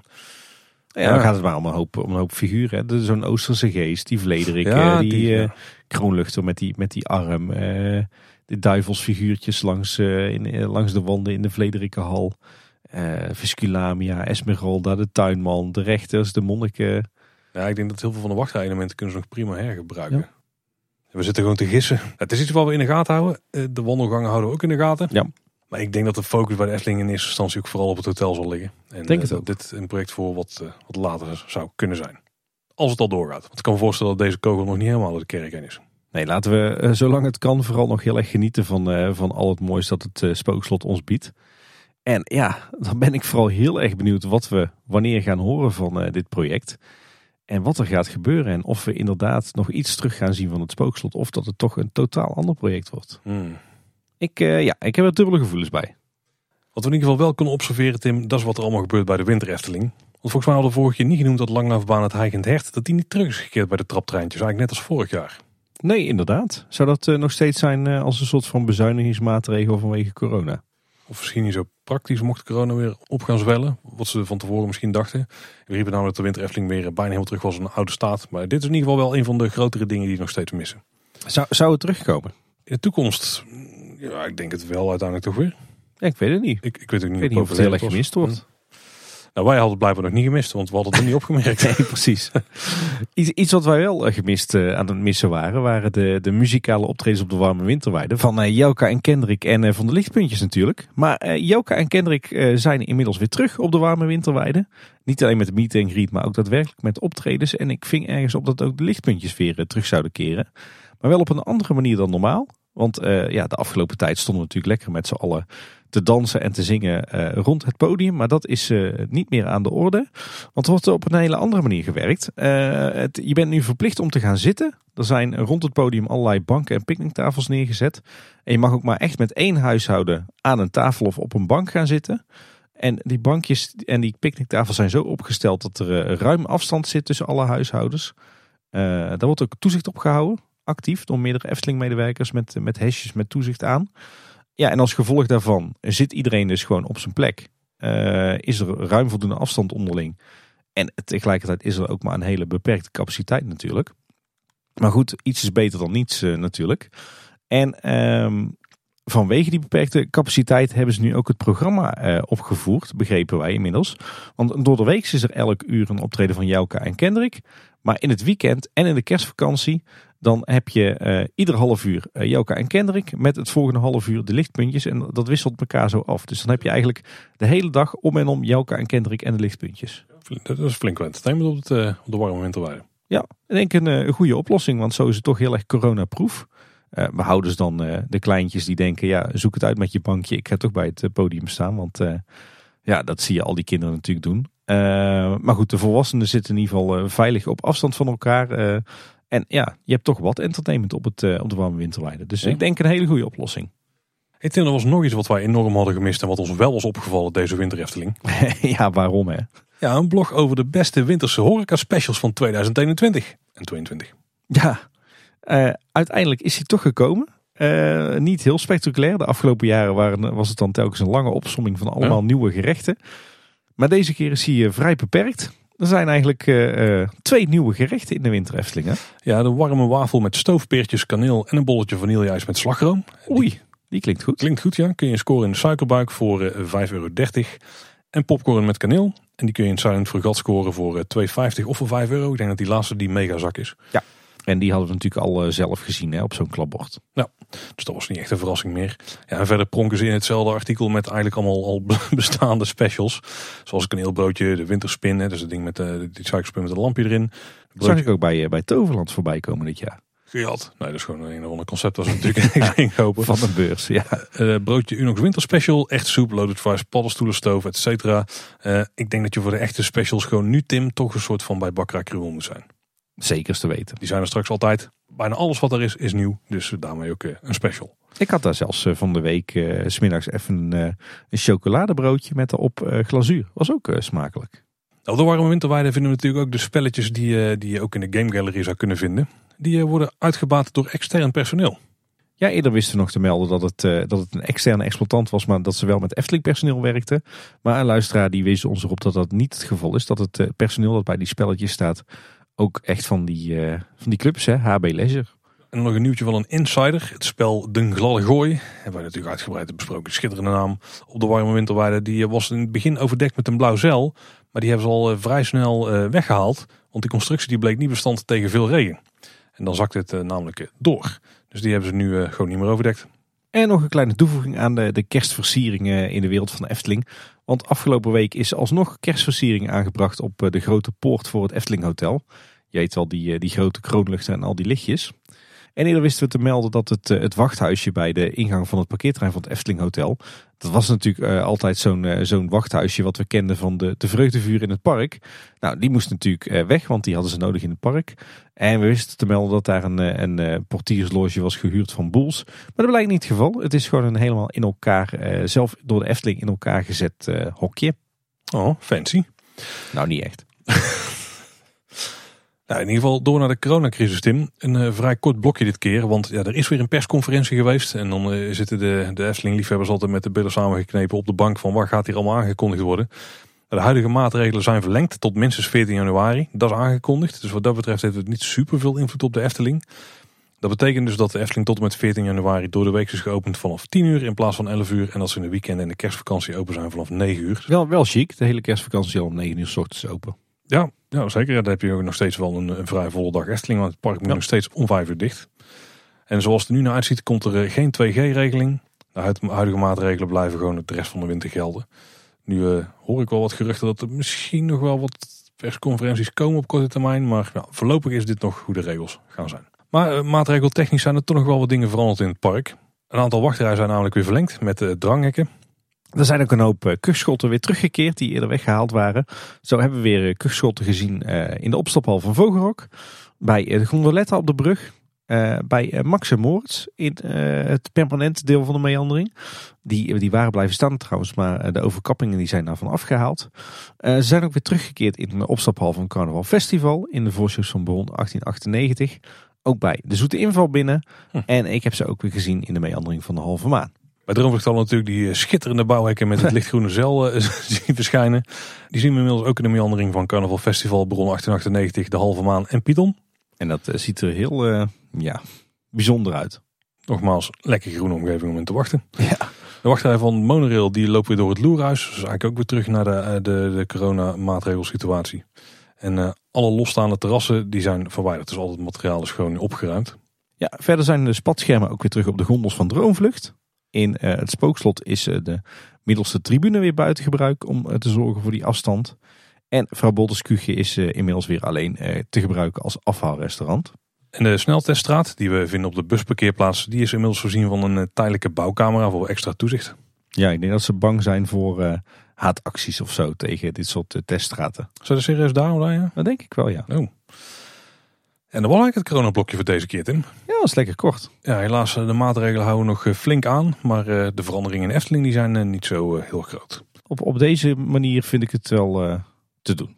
Tim, de coronamaatregelen blijven aanhouden zoals ze zijn. Dat betekent dat je gewoon nog naar de Efteling kunt. En dat betekent ook dat mensen naar de Efteling gaan. Ja. Voordat we naar het onderhoudsblokje gaan, hebben we iets leuks voor tussendoor. Een voice clip die we hebben gekregen. Ja, we kregen inderdaad een, een voiceclip van een luisteraar van ons over zijn dagje Efteling. En het leuke is, het is niet zomaar een, een luisteraar. Het is Ralf Verhoef, die we natuurlijk kennen van de podcast Details over alles wat met Disney te maken heeft. En de website D-Log. wie kent hem nog? ja, ik denk dat Ralf toch wel een van de grootste Disney fans in Nederland is. Als je er een podcast over maakt, dan moet dat wel. Hè? Ja, precies. En dan is het natuurlijk super boeiend hoe een van de allergrootste Disney fans denkt over de Efteling. Zeker. Dus we gaan eens even luisteren naar Ralf's ervaring in de Efteling. Hey Tim, hey Paul, Ralf hier van Details. Ik sta hier op het um, Anton Pieckplein in de Efteling. Uh, op een druilerige zondag. En ik wil toch even laten weten dat ik me echt uh, enorm aan het uh, vermaken ben. Um, door omstandigheden toevallig ben ik even een dagje gewoon alleen in de Efteling. Ik ben eigenlijk al jullie tips en tricks uit uh, de vele podcasts die jullie al hebben gemaakt uh, langzaam aan het, uh, aan het afvinken. En met volle teugen aan het genieten aan de, aan de oprechte schoonheid en... Um, ja, en, en toch ook wel gemoedelijkheid en, en mooiheid van het park. Uh, klein voorbeeld, ik liep net door het, door het Sprookjesbos, waar ik echt alle tijd voor heb genomen. Ik ben eigenlijk alle headliners min of meer aan het overslaan. Uh, gewoon om van de mooie kleine details, waar jullie ook over berichten, aan, het, ja, aan het genieten. Um, de rook in het Sprookjesbos die tussen de bomen vandaan komt. De mooie kabouterhuisjes. De, um, ik, nog een, een, ding wat ik helemaal niet wist. Is een, niet zeg maar de Sprookjesboom, maar vlak daarvoor is ook een een pratende boom eigenlijk. Ja, zo'n klein, zo'n klein um, ja, detail wat toch interactief is en wat, um, ja, wat het, de gehele ervaring gewoon weer zo bijzonder maakt. Wat, wat zo leuk is, ik kijk natuurlijk alles een beetje ook door een, door een Disney-bril. Um, maar de dingen die in Disney niet kunnen, kunnen hier wel. De, de mooie getegelde voetpaden, de niveauverschillen, de onoverzichtelijke, trap, onoverzichtelijke trapjes die soms best wel heel gevaarlijk zijn, maar juist bijdragen aan de uniekheid van dit park. Ja, ik, ik moest het gewoon even laten weten. Jongens, ik ben wel enorm aan het vermaken. En wat hebben jullie toch een prachtig park om wekelijks jullie podcast over te maken. Uh, ik hoop tot snel. Ik ga nog eventjes een, eh, een half middagje verder uh, genieten hier. Groeten, hoi! Oh, we luisteren altijd die stem van Ralf lekker weg. Hè? Ja, inderdaad. Ook een van onze inspiratiebronnen, toch? Naast de Erwin Ja, zeker. Ja. Ja, tof om te horen hoe enthousiast hij eigenlijk is uh, over de Efteling. Ondanks dat hij een groot Disney-fan is. En uh, dit was een leuk voice clipje. Maar ik heb Ralf die dag dat hij in de Efteling was nog ongeveer zes keer aan de lijn gehad. En allerlei appjes over en weer uitgewisseld. En nou ja, hij was echt ontzettend onder de indruk van hoe het park er nu bij staat. En wil je Ralf nog iets meer horen vertellen over zijn bezoekje aan de Efteling? Luister dan ook de laatste aflevering van Details. Ja. En je kunt Ralf ook horen in Kleine Boodschap. Want we hebben samen een aflevering opgenomen over de magie van het verticaal gaan. Dat klopt ja, dat is alweer lang geleden. Dat is lang geleden. Dat was nog ruim voor coronacrisisachtige fratsen. Ja, wie dat we terug wil luisteren, die moet aflevering 114 terug gaan luisteren. Zo. Je vindt ze allemaal gewoon eh, in je podcast app, maar ook eh, op onze website. Ja Paul, dan is het uh, tijd voor jouw neutje denk ik. Ja, dat betekent dat het tijd is voor het onderhoud. Ja, voordat we ons gebruikelijke rondje door het park gaan lopen, virtueel dan. Even wat algemene puntjes. zo kwam de pagode ineens tevoorschijn op de onderhoudskalender. Die was eh, één dag dicht op 16 eh, december. En er wordt ook weer eh, volop gewerkt aan het groen. De tuindienst die is nu bezig met wat ze dan inboet noemen. Paul, weet jij inmiddels wat inboet is? Ja, er zijn de planten die zijn doodgegaan en die je moet verwijderen. Ja. Dat wat? en die je vervangt door nieuwe planten. Oh, dat is essentieel ook dat je dat ja, doet? Ja, ja. Oh, oké. ja, anders is het geen inboet. Wacht even, maar de reden dat ik dit weet, die weten de luisteraars nog niet natuurlijk. Nee. Oeh, oké. Okay. mooie teaser, Paul. Gelukkig duurt het niet al zo lang meer. Maar uh, er wordt uh, volop ingeboet door de tuindienst van de Efteling. Uh, bijvoorbeeld rond Baron 1898. Daar zijn vrijwel alle hagen vervangen. er is ook heel veel plantgoed vervangen in het, het plantsoen tussen Baron 1898 en de Gondoletta-vijver. Maar er zijn bijvoorbeeld ook heel wat nieuwe hagen geplant langs de plantsoenen ter hoogte van de Piranha en Max en Moritz. Dus er, is, er mag weer wat geïnvesteerd worden in het groen. Eerder zagen we natuurlijk ook de hagen rond het eh, plantsoen eh, voor de Meermin terugkomen. Uh, wel een klein puntje van zorg. Uh, op het Tom van de Ventplein heb je zo'n mooi cirkeltje uh, van bomen. Die daar ooit geplant zijn ter herinnering aan Tom van de Ven. die stonden er de afgelopen jaren al behoorlijk slecht bij. steeds minder blad in de zomers. En er viel me nou op dat er ook een hoop zwammen in die bomen zitten. En dat is meestal niet zo'n goed teken. Mm. Ik denk dat die het loodje gaan leggen. Ai. Nou, dan gaan we ons, uh, ons, rondje, ons onderhoudsrondje park doen. Uh, deze keer niets te melden over Fantasierijk. Wel wat puntjes in het andere rijk. In Fata Morgana uh, blijven de deuren van de kantelkamer problemen geven. Die doen het dan weer wel, dan weer niet. En bij Max en Moritz nog steeds problemen met de onboard audio van de Moritz-trein. Dat krijgen ze ook niet opgelost. De animatronics en sowieso het hele showtje op het, het station doet het nog niet. er waren problemen met het effect van meester Lempel. Die uh, natuurlijk uh, het raampje open doet uh, na die ontploffing. Die doet het niet en ze hebben dat effect inmiddels volledig uitgezet. En verder zag ik jammer genoeg nog dat wat decorelementen in de wachtrij van Moritz last hebben van wat vandalisme. Is toch, toch jammer. Ja. Dan door naar het Ruigrijk. Joris en de Draak heeft natuurlijk vier weken groot onderhoud gehad. ging 4 december weer open. Uh, er bleek toch iets niet helemaal goed gegaan te zijn. Want eigenlijk vrij snel na heropening van de attractie ging een van de banen toch weer in onderhoud. Dus mogelijk is er uh, iets niet helemaal goed gegaan met uh, de retrack tijdens die, die sluitingsperiode. En moesten ze een deel overnieuw doen. Was volgens mij de, de waterbaan in dit geval. En uiteindelijk vanaf 14 december rijden de beide treinen weer. Dus het is eigenlijk maar een weekje geweest dat ze een van de banen toch weer uit gebruik hebben moeten nemen voor wat herstelwerk. Dan de Python. Daar was van 7 tot en met 9 december onderhoud. Hebben we weinig van gezien. Behalve dan dat er wat driftig met een hoge drukspuit werd gespoten. Maar we kregen een berichtje van de insider. En er zou door VCOMA gewerkt zijn aan de remmen. En dat zou met het ritcomfort te maken hebben. Dus ik denk dat dat, dat, dat remmen is voordat je het, of als je in het station inkomt, glijden. Dan naar de halve maan.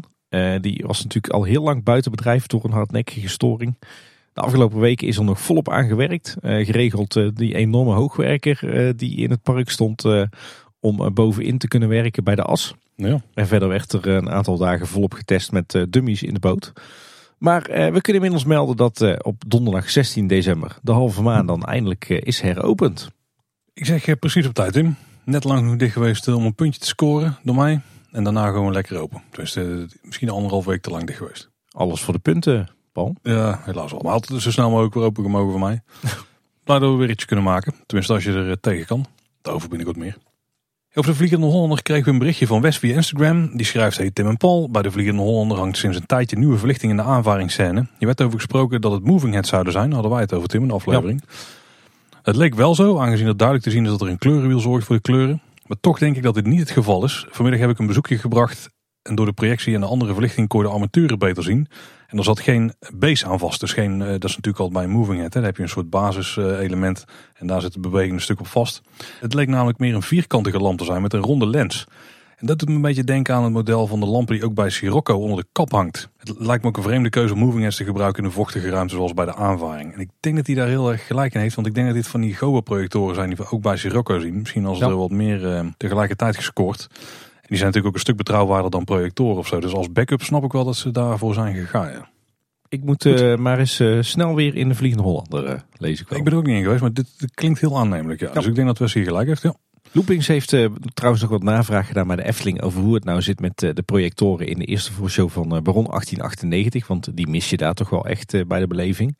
En de Efteling heeft gezegd, dit wordt begin volgend jaar pas opgepakt. In tegenstelling tot wat je misschien zou denken, betreft het een bijzonder grote uitgave.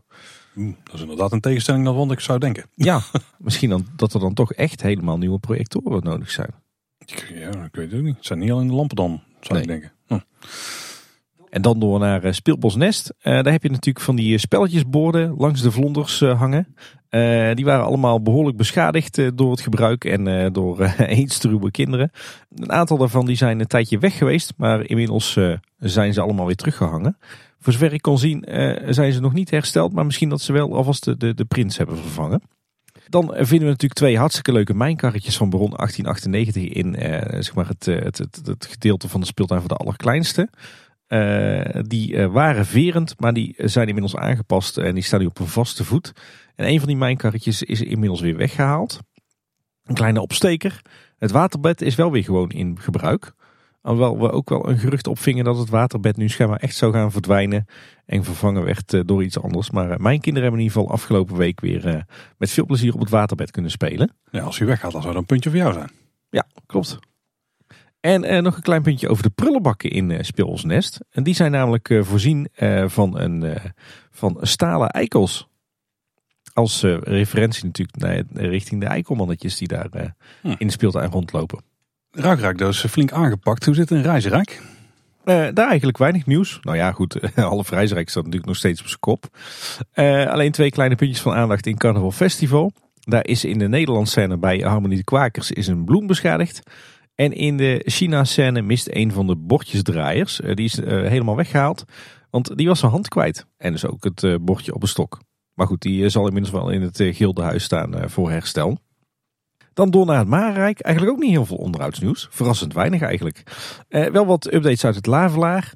het Lavelaak is weer gevuld. Het, zeg maar de, de, stroompje door het Lavelaar heen. Daar staat weer water in. bij het Lonkhuis ook weer flink wat vorderingen. Daar zijn uh, inmiddels alle panlatten vervangen door nieuwe exemplaren. En ze zijn nu druk bezig met het uh, terug aanbrengen van de leidjes. En inmiddels is het loof- en eerhuis in onderhoud gegaan. Nog geen idee wat ze daar aan het doen zijn. En ietsje verderop op het Anton Pieckplein valt op dat Zwaankleef aan, waar eerder al de wijzerplaat verdwenen was, die is nu helemaal dichtgetimmerd, dat showtje. Want er staat daar nu een houten plaat achter het glas. Ik hoop dat dat betekent dat ze het aan het fixen zijn, niet dat dit de semi-permanente oplossing is. En tot slot nog een klein puntje van aandacht uit de wereld van de Efteling. Want het Efteling Hotel die heeft natuurlijk glazen schuifdeuren. En een van die schuifdeuren die is al hele lange tijd gebarsten. En dan uh, kunnen we al door naar het korte nieuws. Paul, dit was een kort uh, onderhoudsblokje, vond ik. Zeker, heel erg uh, compact hou ik van. Ik heb maar één schrobbeletje kunnen drinken ondertussen. Je hebt hem wel moeten atten, denk ik. Nou, nog net niet, nog net niet. Kom wel nippen. Ja, maar dan gaan we meteen door, Tim, naar misschien wel het schitterendste bericht dat is verschenen op het Efteling-blog. Dit is volgens mij het nieuws waar jij de afgelopen twee weken het meest over hebt opgeronden. Dat denk ik wel, ja. ja. De blogpost luisterde naar de titel Zeven redenen waarom je een Efteling-abonnement zou moeten nemen. Nou, wij hebben een Efteling abonnement. We kunnen ons er best wel redenen bij voorstellen. Zoals kijken waar de Efteling mee op de prop is gekomen. Ja, kom maar op. Reden 1, de Efteling verveelt nooit. Nou, kan ik me even. Ja, klopt. Zal, zal ik dan even skippen naar reden 4? Je hoeft je nooit te vervelen. ja, zo kan ik ook aan zeven redenen komen. Ik, ik, snap, er zit denk ik wel verschil in, dat snap ik wel een beetje. Maar ja, je had dan toch wel betere dingen kunnen brengen, denk ik. Uh, ze noemen over in reden 1 ook dat je dan korting krijgt als abonnementhouder. Ik zou dan denken, maak daar een losse reden van. Maar we hebben ook nog reden 2. Je hebt namelijk extra voordelen van je abonnement. Wacht even, had ze dat niet net al verteld bij reden 1? Oké, het zal wel. We melden dan bij reden 2 ook dat je gratis of met veel korting naar andere pretparken of dierentuinen in Nederland en Europa kunt.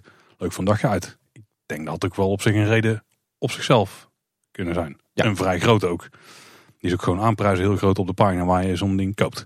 Maar Tim, de Efteling is ook leuk voor een paar uurtjes. Ben ik het mee eens. Uh, dat is wel een groot verschil als je al met een abonnement komt. Nou, je hoeft je dus nooit te vervelen. Je kunt ook genieten van alle seizoenen. Want als je tickets koopt, kan dat blijkbaar niet. Of zo, denk ik. En je abonnement is al snel verdeliger. Dat klopt ook. Dus dat, dat is nog een vrij goede reden. Maar let op, reden 7. Profiteer nu nog van oude abonnementsprijzen. dat is toch geen reden waarom je een Efteling abonnement moet nemen. Dus het is uh, gewoon een actiepagina verpakt in een uh, vrij uh, matige opsomming van voordelen die echt wel veel beter had gekund. Wat hield je bezig de afgelopen dagen, Paul? Ik snap niet dat ze niet gewoon als een van de grote punten hebben dat je juist op andere plekken gratis of met korting naar binnen kunt. Dat is toch een van de grote voordelen. Ah, ja, laten we maar verder gaan naar het volgende kort nieuwspuntje, Tim. Ja, een heel leuk detail wat mij opviel.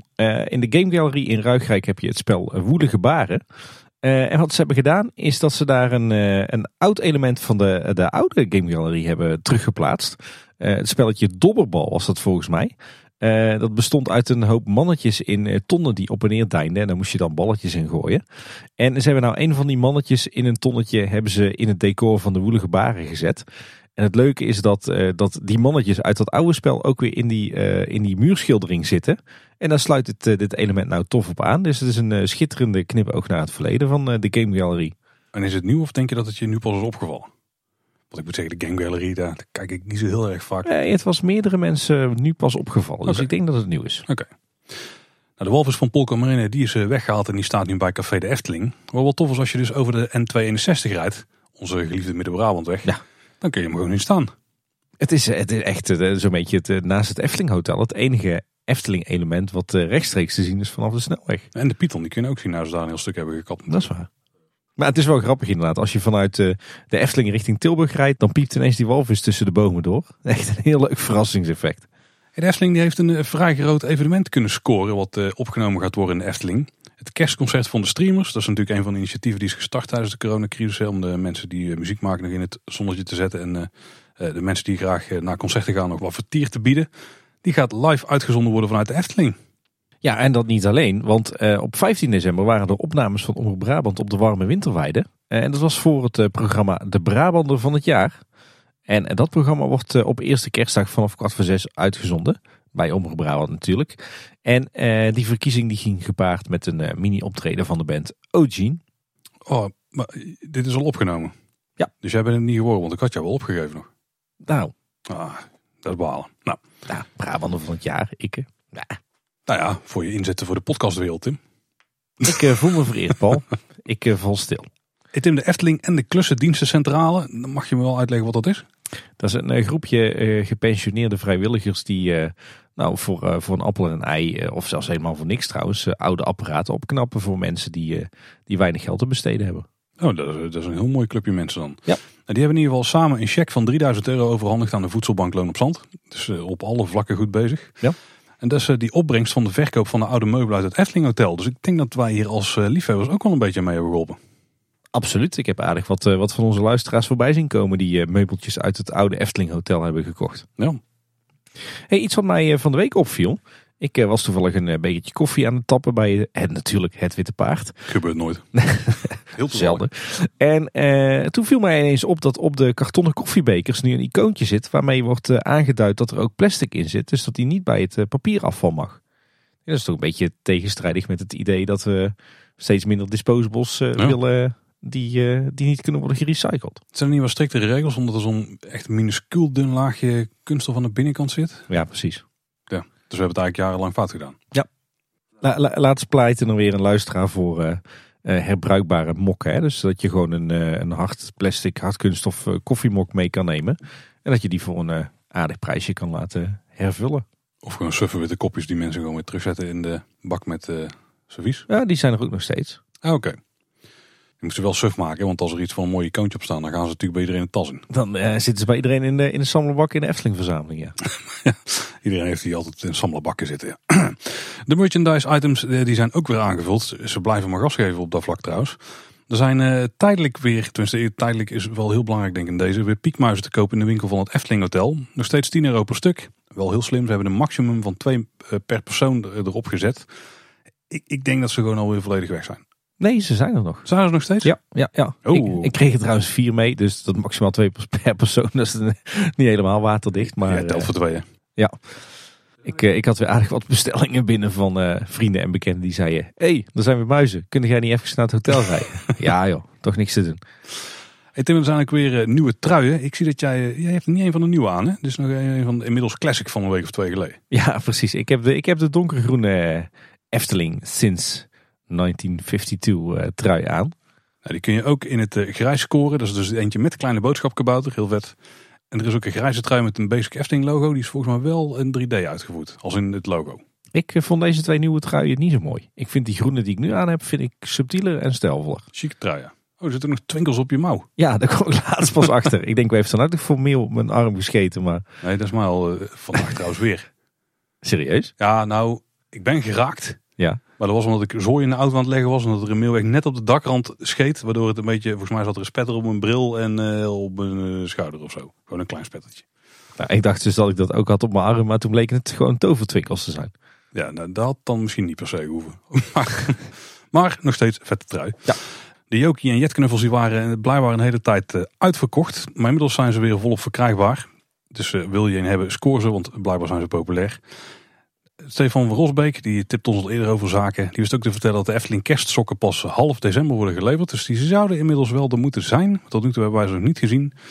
En een ander souvenir wat trouwens weg is op dit moment is de Fata Morgana geurspray. Het is niet helemaal duidelijk of dat die terugkomt als souvenir. Want eh, een insider wist te melden dat de leverancier daarvan failliet blijkt te zijn.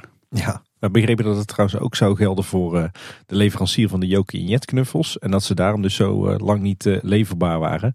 Maar ik denk dat ze daar dan eh, een nieuwe leverancier voor gevonden hebben. Ja, blijkbaar. Ik denk natuurlijk wel iets meer gretig aftrek vinden dan eh, de Fata Morgana geurtjes. Maar eh, Dat denk ik wel. Die zie ik geregeld in kinderwagens en buggies buiten de Efteling. Heel tof nieuws trouwens. De Efteling neemt sinds kort ook mensen aan die geen Nederlands spreken. Een aantal internationale studenten die zijn bij de Efteling gestart als junior. En heeft onder andere met de krapte van de arbeidsmarkt te maken. Ik denk dat het ook wel heel erg goed kan werken richting de buitenlandse bezoekers. Absoluut. Het is natuurlijk wel de, de grote minderheid op dit moment. Omdat eh, ja, de internationale reis is natuurlijk nog een, een ding. Eh, ze dragen over speciale buttons met een Britse vlag en international erop. Dus daaraan kun je ze herkennen. Het gaat nog wel om een test. Dus vooralsnog worden ze alleen ingezet op horecalocaties. En ze kijken gewoon hoe dit bevalt. En de studenten worden extra goed begeleid.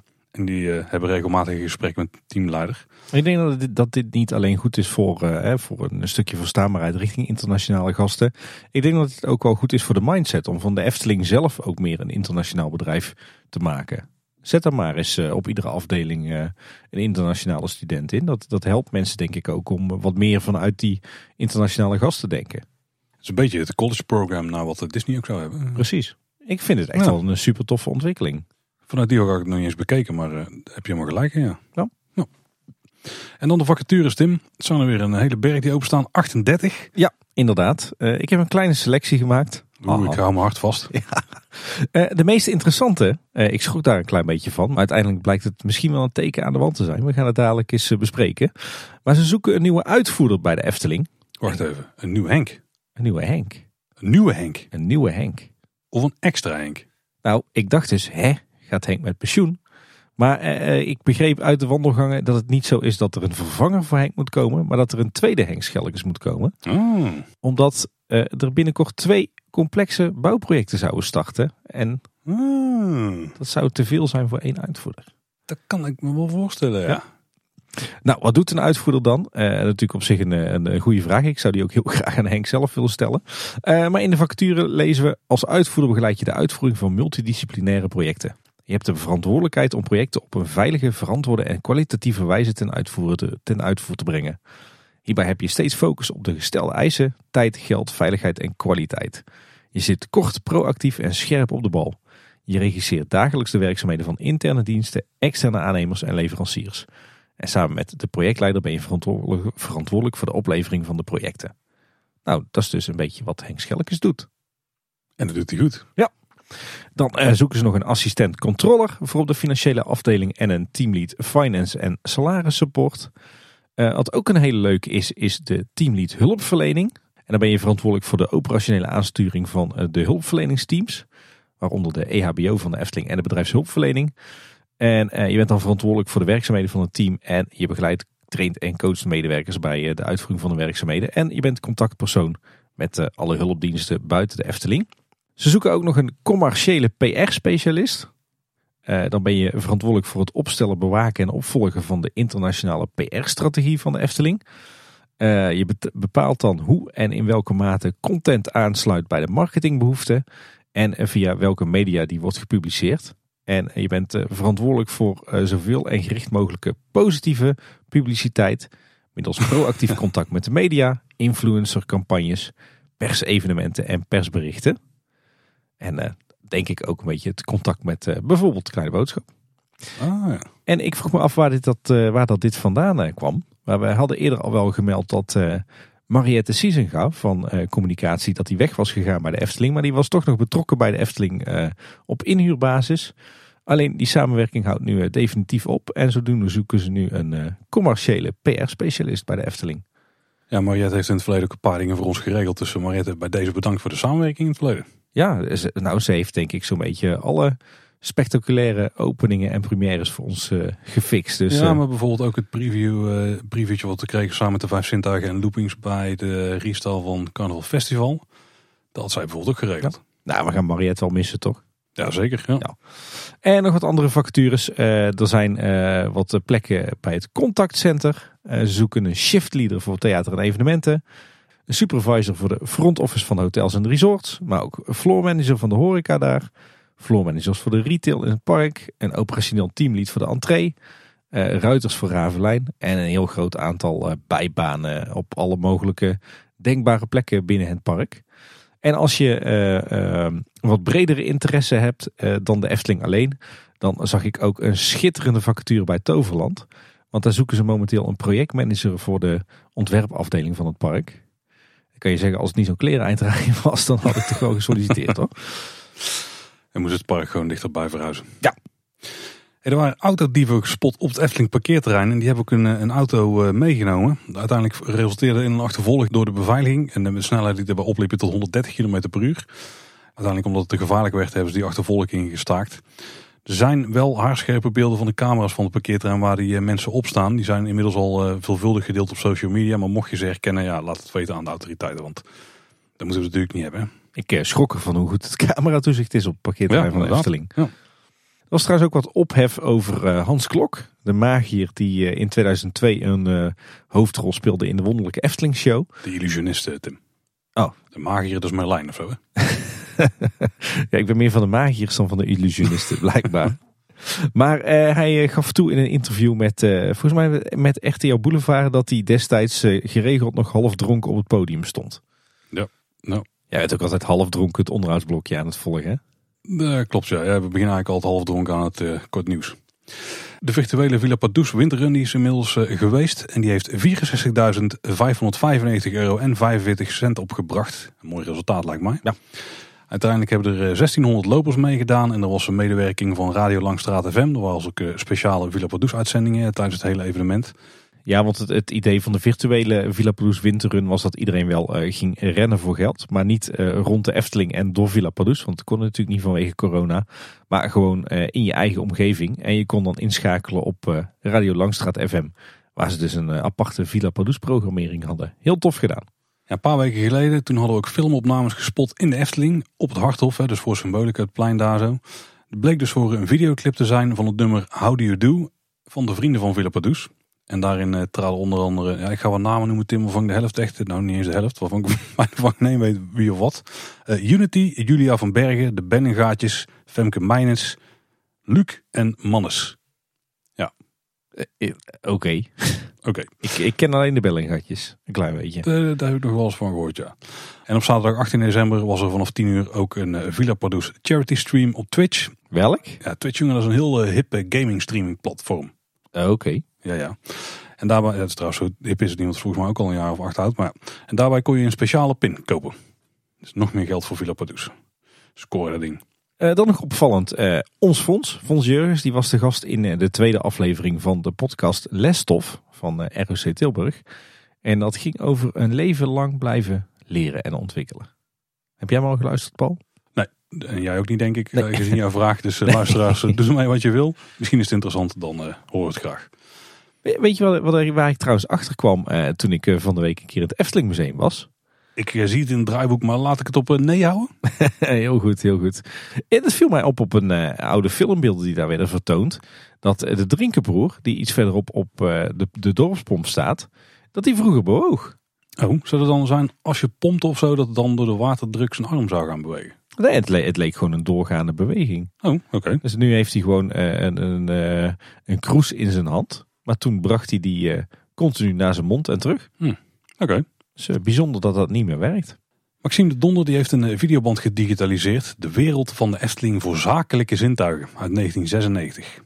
Ja, en dat is echt... ik had me er niet te veel van voorgesteld. Ik dacht, ja, zo'n zakelijke video. Maar de, deze video zit echt bomvol jaren 90 sentiment. Met heel veel beelden uit de Efteling. Uh, ook heel veel kijkjes in de diverse evenementenlocaties van dat moment met het hotel en het golfpark. Het, het, het, klinkt misschien een beetje suf, maar het is echt 14 minuten lang genieten. Ik heb die ook nog niet gekeken, dus dat ga ik zeker checken. Er is trouwens ook een hele toffe foto opgedoken uit de krant van Marie van Heumen. Die sleutelt aan het licht geraakt. Die kwamen via Twitter tegen. Echt een haarscherpe foto van dat Marie daar uh, staat te klussen aan het mechanisme wat in die nek zit. Echt heel vet. Ja, ja heel, heel cool. Ook goed nieuws voor het Anton Pieck Museum. Die ontvangen namelijk met de ingang van 2022 eh, structureel subsidie van de gemeente Hattem. En net als Bakkerijmuseum en Museum Voerman eh, die dat al eerder kregen. Het gaat om 14.000 euro per jaar per museum. Dus daar kunnen ze toch wel een leuke expositie van ja, neerzetten. Lijkt wel. met de Efteling referenties natuurlijk. Graag. En ik was recent weer in de Efteling met onze fotograaf vriend Chris. En die heeft toen het wat donker werd nog eh, een paar fotootjes geschoten in de Efteling. En we noemen Chris altijd onze huisfotograaf. Die schiet echt ongelooflijk mooie foto's in pretparken. zeg dat wel, ja. En uh, dit serietje, dat uh, mag er ook wel zijn. We linken even naar Chris zijn Twitter profiel. Dan kun je de foto's zelf checken. vrijwel allemaal genomen tijdens het blauwe uurtje, hè? Ja, hij heeft er ook in heel veel gevallen wel een beetje het blauwe uur van gemaakt. Ik weet een aantal, weet ik waar, ze die heeft, waar hij ze heeft gemaakt. En toen was het niet zo uh, blue hour. Oké, bijzonder. ja, dat kan niet, dat kan niet. Ja, hij kan toveren. Ik zag ook dat hij uh, een fotoshoot had gedaan voor het Genever Museum of zo, ergens in België. En dat, dat het gewoon echt een compleet besneeuwde set werd. Terwijl het helemaal niet gesneeuwd had. Daar heb ik ook al wat extra foto's van gezien. Die zien er ook heel vet uit. Ja. Is er in de periferie van Efteling nog iets gebeurd? Ja, toch wel weer heftig nieuws. Want uh, er is weer een wethouder opgestapt uh, uit, uit onze gemeente. Deze keer Gerard Bruinix. Ik zag vanochtend in de krant dat het eh, de vierde wethouder is in drie jaar tijd die hier opstapt. Oh, zo. En in dit geval uh, is hij opgestapt vanwege oneenigheid in uh, zijn partij over uh, de aanpak van de wetering in Loon op Zand. Dat is daar het een beetje het dorpshuis. dat schijnt nogal geknald te hebben in, in zijn partij. Dus hij heeft per direct zijn, zijn functie neergelegd. En Gerard Bruinings was trouwens ook jarenlang verantwoordelijk voor het dossier Efteling binnen de gemeente. En hij heeft zich ook, ook altijd heel erg druk gemaakt over de bestemmingsplanprocedure. Dan hadden we het de vorige keer over dat het, de oude Rabobank is verkocht door de Efteling aan Kin Installatietechniek. En, die pakken flink uit. Die zijn volgens mij heel blij met het kantoor. Want inmiddels hangt er een enorm spandoek aan het gebouw. een aantal vlaggen hangen op. Een groot bord waarmee ze mensen proberen te werven. En het hele gebouw is in de kerstverlichting gehangen. Dus ze zijn er blijkbaar heel trots op dat ze op zo'n A-locatie zitten als, als bedrijf. De plek was altijd mensen langskomen. Dus ja, dat je er iets mee doet, dat snap ik wel. ja, dat hebben ze goed begrepen inderdaad. En dan uh, wordt er ook in de gemeente uh, hard gewerkt aan het groen. Ook de gemeente die doet uh, volop aan inboet. Ja, Paul, jij weet inmiddels precies wat het is natuurlijk. Ik weet wat het is, ja. ja. En er zijn diverse bomen in ons buitengebied, ook in de wereld van de Efteling, die de afgelopen tijd dood zijn gegaan. Die zijn inmiddels vervangen door nieuwe bomen. Uh, verder zijn er ook nieuwe bomen geplant op het uh, taluut van uh, de N261 langs de fietssnelweg, langs de F261. met name ter hoogte van de Bergstraat van, bij Loon op Zand. daar hebben ze een hoop bomen moeten kappen voor die snelfietsroute. En er zijn nu een heleboel nieuwe bomen aangeplant. En er viel me trouwens ook nog op dat een van de weilanden die binnen natuurgebied Huis Heide vallen, die je ziet als je over de N261 rijdt bij de Efteling, die uh, zijn ze nu aan het verschalen. Dus waarschijnlijk uh, loopt daar geen vee meer op. Maar wordt dat uh, onderdeel van de hei. Dus ze zijn nu al het gras aan het afgraven as we speak. Oké. ja, Paul. En dan nog dit. Ja, ik heb een, een, paar puntjes die ik wil aanhalen. Eentje zo meer weer een in het kader van de public service announcements. een van de grootste problemen op het internet op dit moment, eigenlijk al sinds jaren, is phishing. Uh, dus dat je met een nepmailtje of via een nepwebsite uh, dat, dat wordt geprobeerd om jouw gegevens te ontfutselen. Ik, uh, ik ben een vrij goed ingevoerd internet citizen, denk ik. Ja, dat kun je wel stellen, ja. en ik ben er ook in getrapt. Echt waar? Ja. En uiteindelijk niks gebeurd gelukkig, want ik kwam er net op tijd achter dat het echt helemaal niet goed ging. Maar wel een paar wijze lessen uitgeleerd. Uiteindelijk is er niks gebeurd omdat ik twee-factor authenticatie aan had staan op het account waar ze op hadden getarget. Dus dan, moet je dus naast je gebruikersnaam wachtwoord nog een extra gegeven vullen. Wat je alleen maar weet als je je telefoon bijvoorbeeld bij de hand hebt in mijn geval. En dat de creditcard eh, die er ook mee gemoeid ging, dat daar eh, nog wel extra beveiliging op zat. Dat je bij de eerste transactie naar een nieuwe uh, partij, dat je daar, ja, in mijn geval de Rabo-app bijvoorbeeld bij moet hebben. Omdat je er anders niet doorheen komt. Maar anders hadden ze wel een account kunnen kraken en wat knaken kunnen afschuiven. Oeh. Dus het, was, het was heel erg overtuigend. En, en, er was één ding wat me op een gegeven moment opviel. Maar toen ik ging terugdenken waren er wel meer rode vlaggen. Maar daar heb ik niet op geacteerd. Maar de wijze lessen in ieder geval in dit geval zijn, uh, als een site of zo jou vraagt van je moet een betaling doen, want anders gaat er van alles fout. Klik dan nooit op het linkje in de mail, ga gewoon naar die site toe. Iedere partij die jou iets verkoopt op internet, zeker iets wat, ja, waar wij ze maandelijks bijvoorbeeld geld in, die willen heel graag dat jij de geld betaalt. Dus als je dan gewoon inlogt op het systeem, dan krijg je echt wel een grote banner te zien of zo van klik hier om alles te fixen, want anders dan stoppen met deze service of whatever.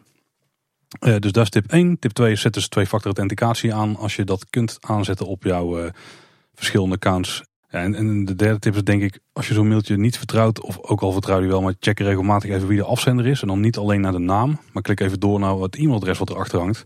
Want uh, de meeste grote servers, of eigenlijk alle grote servers, die hebben hun beveiliging wel zo ingesteld dat alleen maar zij zelf mails kunnen versturen vanuit dat adres. En dan kun je dus vrij snel zien of dat fout zit. Zal het in dit geval heel erg kunstig gedaan. Eh, ze hadden zelfs een domein geclaimd met eh, SSL-certificaat erop en zo met de naam van het bedrijf erin. Op zo'n manier zoals Google bijvoorbeeld ook soms account dingen aanbiedt. Dus het duurde vrij lang voordat ik, uh, voordat ik door had dat het niet helemaal goed was. Ik schrik daar wel van als zelfs jou dat zo dat overkomt. Nou, ik voel me eigenlijk ook echt ontzettend dom. Want als er iemand niet zou moeten trappen, dan was ik het. Maar er, er zat wel aan vooraf. Daar ga ik verder niet iedereen mee vermoeien. Waardoor het heel erg leek of dat dit een situatie kon zijn die zo kon zijn. En die is ook wel in het verleden was voorgekomen. Maar de timing daarvan die was wel heel erg strak bijzonder wordt Ja. Dus zoals we bij bepaalde politieke partijen zouden melden, trap er niet in. Maar ben er vooral eh, heel erg waakzaam op. Goeie mededeling, Paul. Er zijn ook eh, toffe dingen bezig. Het Glazen Huis is van start gegaan en onze podcastvriend Rob van de Radio die zit erin. Dit jaar staat de klimaatverandering centraal en het beschermen en herstellen van de regenwouden Zuid-Afrika. Nou, ook een mooi goed doel. Dus wil je daar ook iets voor betekenen, ga dan naar 3fm.nl en dan vind je daar alle details om, uh, om iets bij te dragen. Een heel, heel goed doel dit jaar. En ja, ik hoop dat onze Rob toch ook wel af en toe naar onze podcast kan luisteren als hij er even doorheen zit. En wij hem wel er doorheen kunnen trekken, toch? Op maandagochtend staat hij ook gewoon voor hem klaar. En hij mag hem ook over de speakers afdraaien. Maar ik denk niet dat ze een collega het kunnen waarderen daar. En ook heel tof. Heb je nou kinderen die ook een beetje uh, interesse hebben in het maken van radio? Of podcast. Oh, of podcast, ja. Dat zit dicht bij elkaar. Dan uh, verzorgen de DJ's van Hallo Kids Radio, Arno Tamagnoni, ons wel bekend. Ook een keer een kleine boodschap langs gekomen daar uit Efteling Radio DJ's. Onze vrienden. Zeker. Tijdens de kerstvakantie een masterclasses radio maken. Speciaal voor kinderen in de leeftijd van 6 tot 12 jaar. Dat doen ze in het Mediamuseum Beeld en Geluid in Den Haag. Mocht je denken dat is iets voor mijn kinderen, dan kun je al in zijn ouds daarover lezen. Er zullen wel wat extra coronamaatregelen misschien zijn, zoals een mondkapje of zo. Maar check het even op de site, dan uh, vind je daar alles. Ja, en dan, en dan heel groot nieuws, Tim. Ja. Van toch wel denk ik de grootste concurrent van de Efteling in Nederland, Toverland. Ja. Die gaan namelijk een, een deel van het park vernieuwen. Toverland heeft natuurlijk nieuwe themagebieden. Die zijn tot in de, de puntjes uitgewerkt. Daar hebben wij diep respect voor hoe ze dat daar doen. Zeker met de budgetten en vooral de, het kleine team eigenlijk waarmee ze het allemaal voor elkaar weten te boksen. Maar ze hebben ook nog een paar ruwe randjes in het park zitten. Nou weet iedereen natuurlijk dat daar een paar enorme hallen staan. Die je voor een deel gewoon vanuit het park kunt zien. En dan gaan ze, een van die twee hallen, gaan ze de buitenruimte daarvan, die gaan ze beter aankleden. Namelijk waar Expedition Zorg zit. Dat is die boomstamachtbaan. Uh, daar ligt nu zo'n uh, ja, zo'n water omheen. Daar kun je voor een deel ook in spelen met al fonteintjes en zo. Maar in principe is daar een grote betegelde vlakte ja. uh, tegen, ja, met een beetje als achtergrond die, die groene hal. En dan heb je nog een, een ingang naar de hal toe, et cetera. En dat was het wel een beetje. In die hal zit dan ook een van mijn favoriete attracties van het park, de Maximus Blitzbaan. En wat ze nu eigenlijk gaan doen is dat ze het hele gebied wat aan die kant van die hal zit, dus waar dan vooral Expedition Zorg in ligt, maar wat ook richting dus de Maximus Blitzbaan gaat, daar gaan ze opnieuw ja, inkleden eigenlijk. En dat doen ze eigenlijk door bijna alle stenen eruit te trekken. En daar een heel natuurlijk gebied neer te gaan zetten. Met uh, heel veel houten vlonderpaden. Ook een splashzone die dus langs de Expedition Zorg uh, baan ligt. Ze gaan ook die baan zelf wat meer aankleden met een hoop meer hout. En, en, vooral heel veel bomen eromheen. En ook nog wel wat special effects. We, hebben één schets gezien. Die is vrij gedetailleerd. Maar op basis daarvan kunnen we nog niet alle details heel goed uitpluizen. Er zitten nog wel wat verrassingen in. Maar het lijkt ook een, een soort um, ja, Alpenhutje te komen richting die Maximus Blitzbaan. Hè? Een beetje wel Maximus Moritz, uh, een beetje in die hoek moet je het zien denk ik. Of eigenlijk Krumel. Uh, met ook een buitenwachtrij, als ik het goed zie. Dit wordt een, een vrij uh, rigoureuze aanpak van die hallen. En vooral als het groen daar gaat groeien, dan kunnen die hallen voor een deel wel eens weg gaan vallen. En dat zou heel mooi zijn. Ja, dit ziet er heel veelbelovend uit. Echt complimenten voor Peter van Holstein en zijn team. Uh, prachtige tekening, mooi ontwerp. En ja, nu gewoon hopen dat, die, uh, dat het net zo goed wordt uitge uitgevoerd als, uh, als een Avalon en een Port Laguna. Ja, dan zou je het stuk van het park echt enorm opknappen. Tim, heb jij nog een ditjes? Ik heb er zo waar een klein beetje een nieuwe hobby bij, Paul. En, deels ook wel dankzij jou. Dankzij mij? Ja. Ja, de kinderen die, we hebben natuurlijk Sinterklaas is het land uit en we hebben nog wat jarigen gehad. En ja, de kinderen zijn nu bijna drie en vijf. En Duplo zijn ze wel een beetje klaar mee. Nou, Playmobil is natuurlijk heel hot momenteel. Maar ze hebben Lego ontdekt, de meiden. En ja, nou heeft Sinterklaas uh, goed verwend met een aantal leuke setjes. Dus jij weet wel welke papa al uh, een aantal uh, uren heeft zitten Lego. Ja, wij hebben vrij beperkte Lego gehad. Dus je hebt meer Lego uren gedraaid dan ik de afgelopen weken, denk ik. Ik heb samen met Anne gewoon een heel Harry Potter kasteel in elkaar Oh, dat is wel vet. Ja, dat is een goede set. Ja, ja, ja. Dus het, het was voor mij heel lang geleden dat ik überhaupt had gelego'd. Nou, ik denk sinds mijn, sinds mijn twaalf. Dus dat kan bijna 25 jaar geleden zijn. En uh, het was toch wel weer verrassend leuk om te doen. Dus uh, ik durf niet uh, te zeggen dat het het laatste setje was wat wij gemaakt hebben dit jaar. Lego is gewoon heel vet, nog steeds. Ja. Verder nog dingen gedaan? ja, ja, we zijn natuurlijk de, de verplichte jaarlijkse, jaarlijkse bezoek aan de Avri in Dongen gedaan. Aan de kerstmarkt. Was weer leuk. Alhoewel de, de Efteling tentoonstelling in het midden van die kerstshow wel een beetje sleets begint te raken. Uh, verder voor het eerst in tijden ook weer eens naar uh, Reptielenhuis en Dierenpark de Oliemeulen geweest in Tilburg. Um, en ja, toch wel de, de topper. We zijn uh, voor het eerst in jaren weer eens een dagje naar de Zoo van Plankenaal geweest in Mechelen. Met vriend van de show Yves toch? Inderdaad, met de milde dictator op pad geweest. En ja, een hele toffe dag gehad. Prachtige dierentuin. hele mooie gethematiseerde stukken. Heel veel bijzondere dieren. Koalas natuurlijk, Tasmaanse duivels, mierenegels heb ik gezien, miereneters, nou, heel veel bijzondere dieren. En nou ja, gewoon heel veel mooie verblijven, mooi in thema, goed gegeten, leuke dag gehad. Dus dat was top. En we hebben dit jaar dus eigenlijk een beetje de, de, top drie Belgische dierentuinen afgevinkt. Periduiza, Antwerpen en Plankendaal nu. Ah, ik denk Bellewaarde zit er misschien ook bij, maar dat is dan meer attractiewaarde. Ja, ja. Nou, daar zou ik ook geen nee tegen zeggen. Nee, zeker niet. Nee. Dus dat. En, en verder veel naar de Efteling geweest natuurlijk. En uh, ook heel, vooral heel veel rond Bekkerij Krumel gehangen. Ja, en nog een luistertip, uh, Paul. Waarvan ik denk dat, uh, dat jij hem ook zeker zult waarderen. Dat is de podcast Daar bleef je voor thuis. Ja, zeker. Van ja. vriend van de show Bjorn Bouwers en, en Ron Vergouwen. Over ja, jeugdsentiment op televisie eigenlijk. Hè? Weet je, de, de televisieseries en programma's uit onze jeugd. Oh ja, de serie in het algemeen. Ja, ik moet zeggen, daar bleef thuis dus een van mijn favoriete podcasts. Ik vind het sfeertje was er altijd weten te scheppen en, en de onderwerpen op zich. Maar vooral de manier hoe ze erover praten. Het voelt, dat, dat voelt echt als zo'n warm bedje waar je iedere keer weer eh, lekker in komt. Ja, die eh, gasten zijn echt super leuk samen. Uh, maar ze hebben nu een uh, grote kerstspecial special uitgebracht over kerstspecials op de televisie in de jaren 80 en de jaren 90. En ik moet zeggen, dat is toch wel smullen hoor. Dat is echt jeugdsentiment. Er zaten specials tussen die ik mezelf niet eens meer kon herinneren. Terwijl we vroeger toch echt wel iedere kerst ja, voor de tv zaten. Ja, was leuk. Echt met veel plezier zitten luisteren naar deel 1. Deel 2 komt er nog aan. Dus ja, zeker een aanrader als je van onze leeftijd bent. Ja, zeker. Ja, dan zijn we aan het eind van de aflevering gekomen. Maar we hebben nog een, een interessante voiceclip gehad, Tim. Zullen we eens even gaan luisteren? Nog een voiceclip? Jazeker. Hey Paul, hey Tim. Jullie hadden het, uh, nou jullie hebben het al wel vaker gehad over de vergunningen die uh, de Efteling erbij krijgt in Strookrijk. En er mag natuurlijk tot 60 meter hoogte gebouwd worden. En ik ben gewoon heel erg benieuwd. Vinden jullie dat ieder attractietype in de Efteling past? Want bij 60 meter hoog uh, denk ik aan bijvoorbeeld uh, een, een hypercoaster of een hele hoge droptoren. Um, vinden jullie dat dat soort attracties ook gewoon in de Efteling kunnen passen als je het maar uh, goed thematiseert en er een goed verhaal mee bedenkt? Of vinden jullie niet dat alle attractietypes in de Efteling passen? Groetjes Mark. Ehm, en uh, ik ben heel benieuwd naar het antwoord. Ja, dat was natuurlijk eh, Mark Versteden, hè, onze Wie is de Mol podcast vriend. Ja, we kennen hem natuurlijk ook nog wel van de Partij voor de Vrijdag podcast, toch? Ja, zeker. En hij treedt ook regelmatig op bij Team Talk. Maar uh, Mark, interessante vraag. Ja. Passen alle attractietypes in de Efteling? Oeh. Ik, ik durf daar wel een uitspraak over te doen. Nou, doe het eens. Ik denk dat het huidige ontwerpteam met de huidige engineers en, en, en alle creatievelingen in dienst ik denk dat die het lukt om ieder attractietype op een Eftelingse manier te thematiseren. Dus ja, ik durf best te zeggen dat elk attractietype in de Efteling past. Mits het dan maar goed gethematiseerd wordt. Nou, dan, dan, doe, dan schiet ik hem net iets anders in. Ik denk dat uiteindelijk ieder attractietype erin past. Maar dat betekent niet dat ze ook ieder attractietype in de Efteling zouden moeten zetten. Ik denk dat er echt wel attractietypes zijn waar ze gewoon ver bij weg moeten blijven. Um, de laatste tijd heb je vooruit wel van die concepten bijvoorbeeld van, van die coasters die bijvoorbeeld alleen maar een looping maken en een continu een rondje in draaien, zeg maar. Dus je hebt geen lifthill of zo. Het is gewoon alleen maar uh, in die looping uh, continu.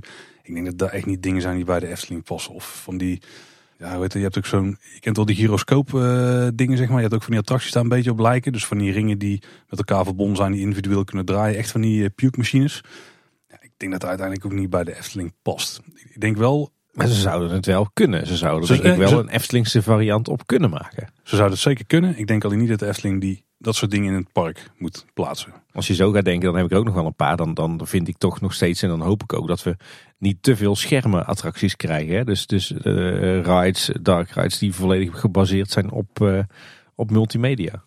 Ik denk dat bijvoorbeeld ook zo'n zo'n Starflyer misschien voor de Efteling ook niet echt gaat werken. Sowieso, uh, je hebt dan een grote verticaal paal nodig Waar dit ding nou omhoog, uh, over omhoog draait. Nee, niet? Oh, ik, het lijkt me heerlijk. Oh, ja, jawel. Ja, maar dan kan het niet zo'n hoger worden. Dan zou het er een zijn van 30 meter of zo. Dus steeds vrij hoog hoor. En dan zou ik ook er niet heel uh, gemak in zitten, denk ik. Maar... Oh, geweldig. Ik zou best wel een Starflyer in de strookrecht willen. Ja, geweldig. maar dat is toch echt een mega kermis. Nee joh, je moet maar eens gaan kijken in, uh, in Tivoli Gardens of in uh, Tivoli Gruna Lund. Daar staan echt ja. prachtige gethematiseerde Starflyers. Gethematiseerd? Ja. Het zijn stadspretparken, er zitten gewoon ja. lampjes op. Nee, nee, nee, nee, nee, nee. Ga maar eens kijken in Tivoli Gardens. Die kunnen dat heel goed. Er staan heel veel flat rides en puke rides van eh, gewoon ja, uit de Zamperla catalogus. Maar die echt gewoon prachtig gethematiseerd zijn. Vaak nog met storytelling ook. Die kunnen dat echt goed. Oh, oké. nou dan, moet, dan, dan moet ik dan maar eens even inspectie gaan doen. Je komt er net vandaan. Ja, dan is me niet opgevallen dat daar een schitterend gethematiseerde Starflyer stond. Zo goed waren ze gethematiseerd. Kun je nagaan. Ja, misschien was het wel zo goed, ja.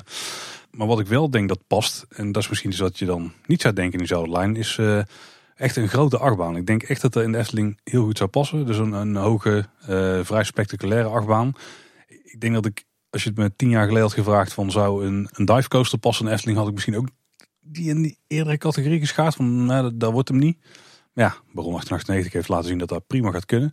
Ja. Maar, maar ik denk dat het dat wat bij de Efteling gewoon heel goed past zijn die attracties die juist, die, die niet gimmicky attracties, zeg maar. Ik denk dat daar vooral is wat bij de Efteling past. Een grote achtbaan, eh, gewoon, weet je wel, veel bochtwerk, langgerechte stukken. Ik denk dat dat bij de Efteling goed zou passen. Terwijl juist zo'n heel compact ding die alleen maar uh, loopingjes draait continu.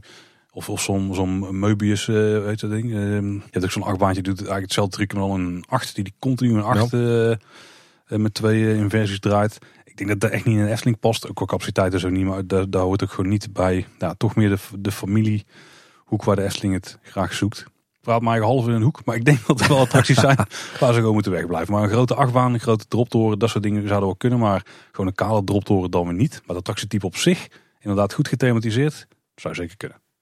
Ik blijf bij mijn standpunt. Ik denk dat de Efteling eh, dusdanig eh, goed is dat ze ieder attractietype Eftelings kunnen maken. Nou Mark, bedankt voor je vraag. Eh, luisteraars, hebben jullie nou zelf een vraag voor je een voiceclip insturen? Dan kan dat op veel verschillende manieren. Ja, de voiceclip niet, die kun je het beste namelijk mailen naar info.kleineboodschap.com. Maar wil je ons volgen ergens, dan ga je naar kleineboodschap.com slash volgen. En dan vind je hoe je ons kunt uh, checken op Twitter, op Facebook, op Instagram en nog een paar andere platformen waar we actief zijn. Ja, en sowieso is kleineboodschap.com onze website. Daar vind je al onze bijna 250 afleveringen met bijbehorende show notes. Maar daar vind je ook uh, het contactformulier waar je een berichtje aan ons kunt achterlaten. Maar bijvoorbeeld ook alle afleveringen van de buitenwereld of onze optredens buiten de deur. Zeker. Ja, en luister je ons nou in de podcast app, vergeet je dan niet te abonneren. Luister je onze Spotify, vergeet je dan ook niet te abonneren, want dat kan natuurlijk ook gewoon. En je kunt eventueel luisteren via de website. Maar ik zou toch een podcast app aanraden, want dan krijg je iedere maandag gewoon een nieuwe kleine boodschap in je podcastfeed. Aan de andere kant, op de website heb je wel meteen een hoop content erbij, hè? De, de show notes. Ja, maar een goede podcast app doet ook. Die leest die ook gewoon netjes uit. Een goede. Hey, en, en ook nog belangrijk, als je ons nou, eh, nou uh, leuk vindt en uh, je hebt nog wat Efteling-liefhebbers onder je vrienden die ons nog niet luisteren, tip dan ook eens een kleine boodschap bij je vrienden. Zeker, zou heel tof zijn. Dat was in ieder geval weer voor deze week. Bedankt voor het luisteren. Tot de volgende keer en houdoe. Houdoe waar.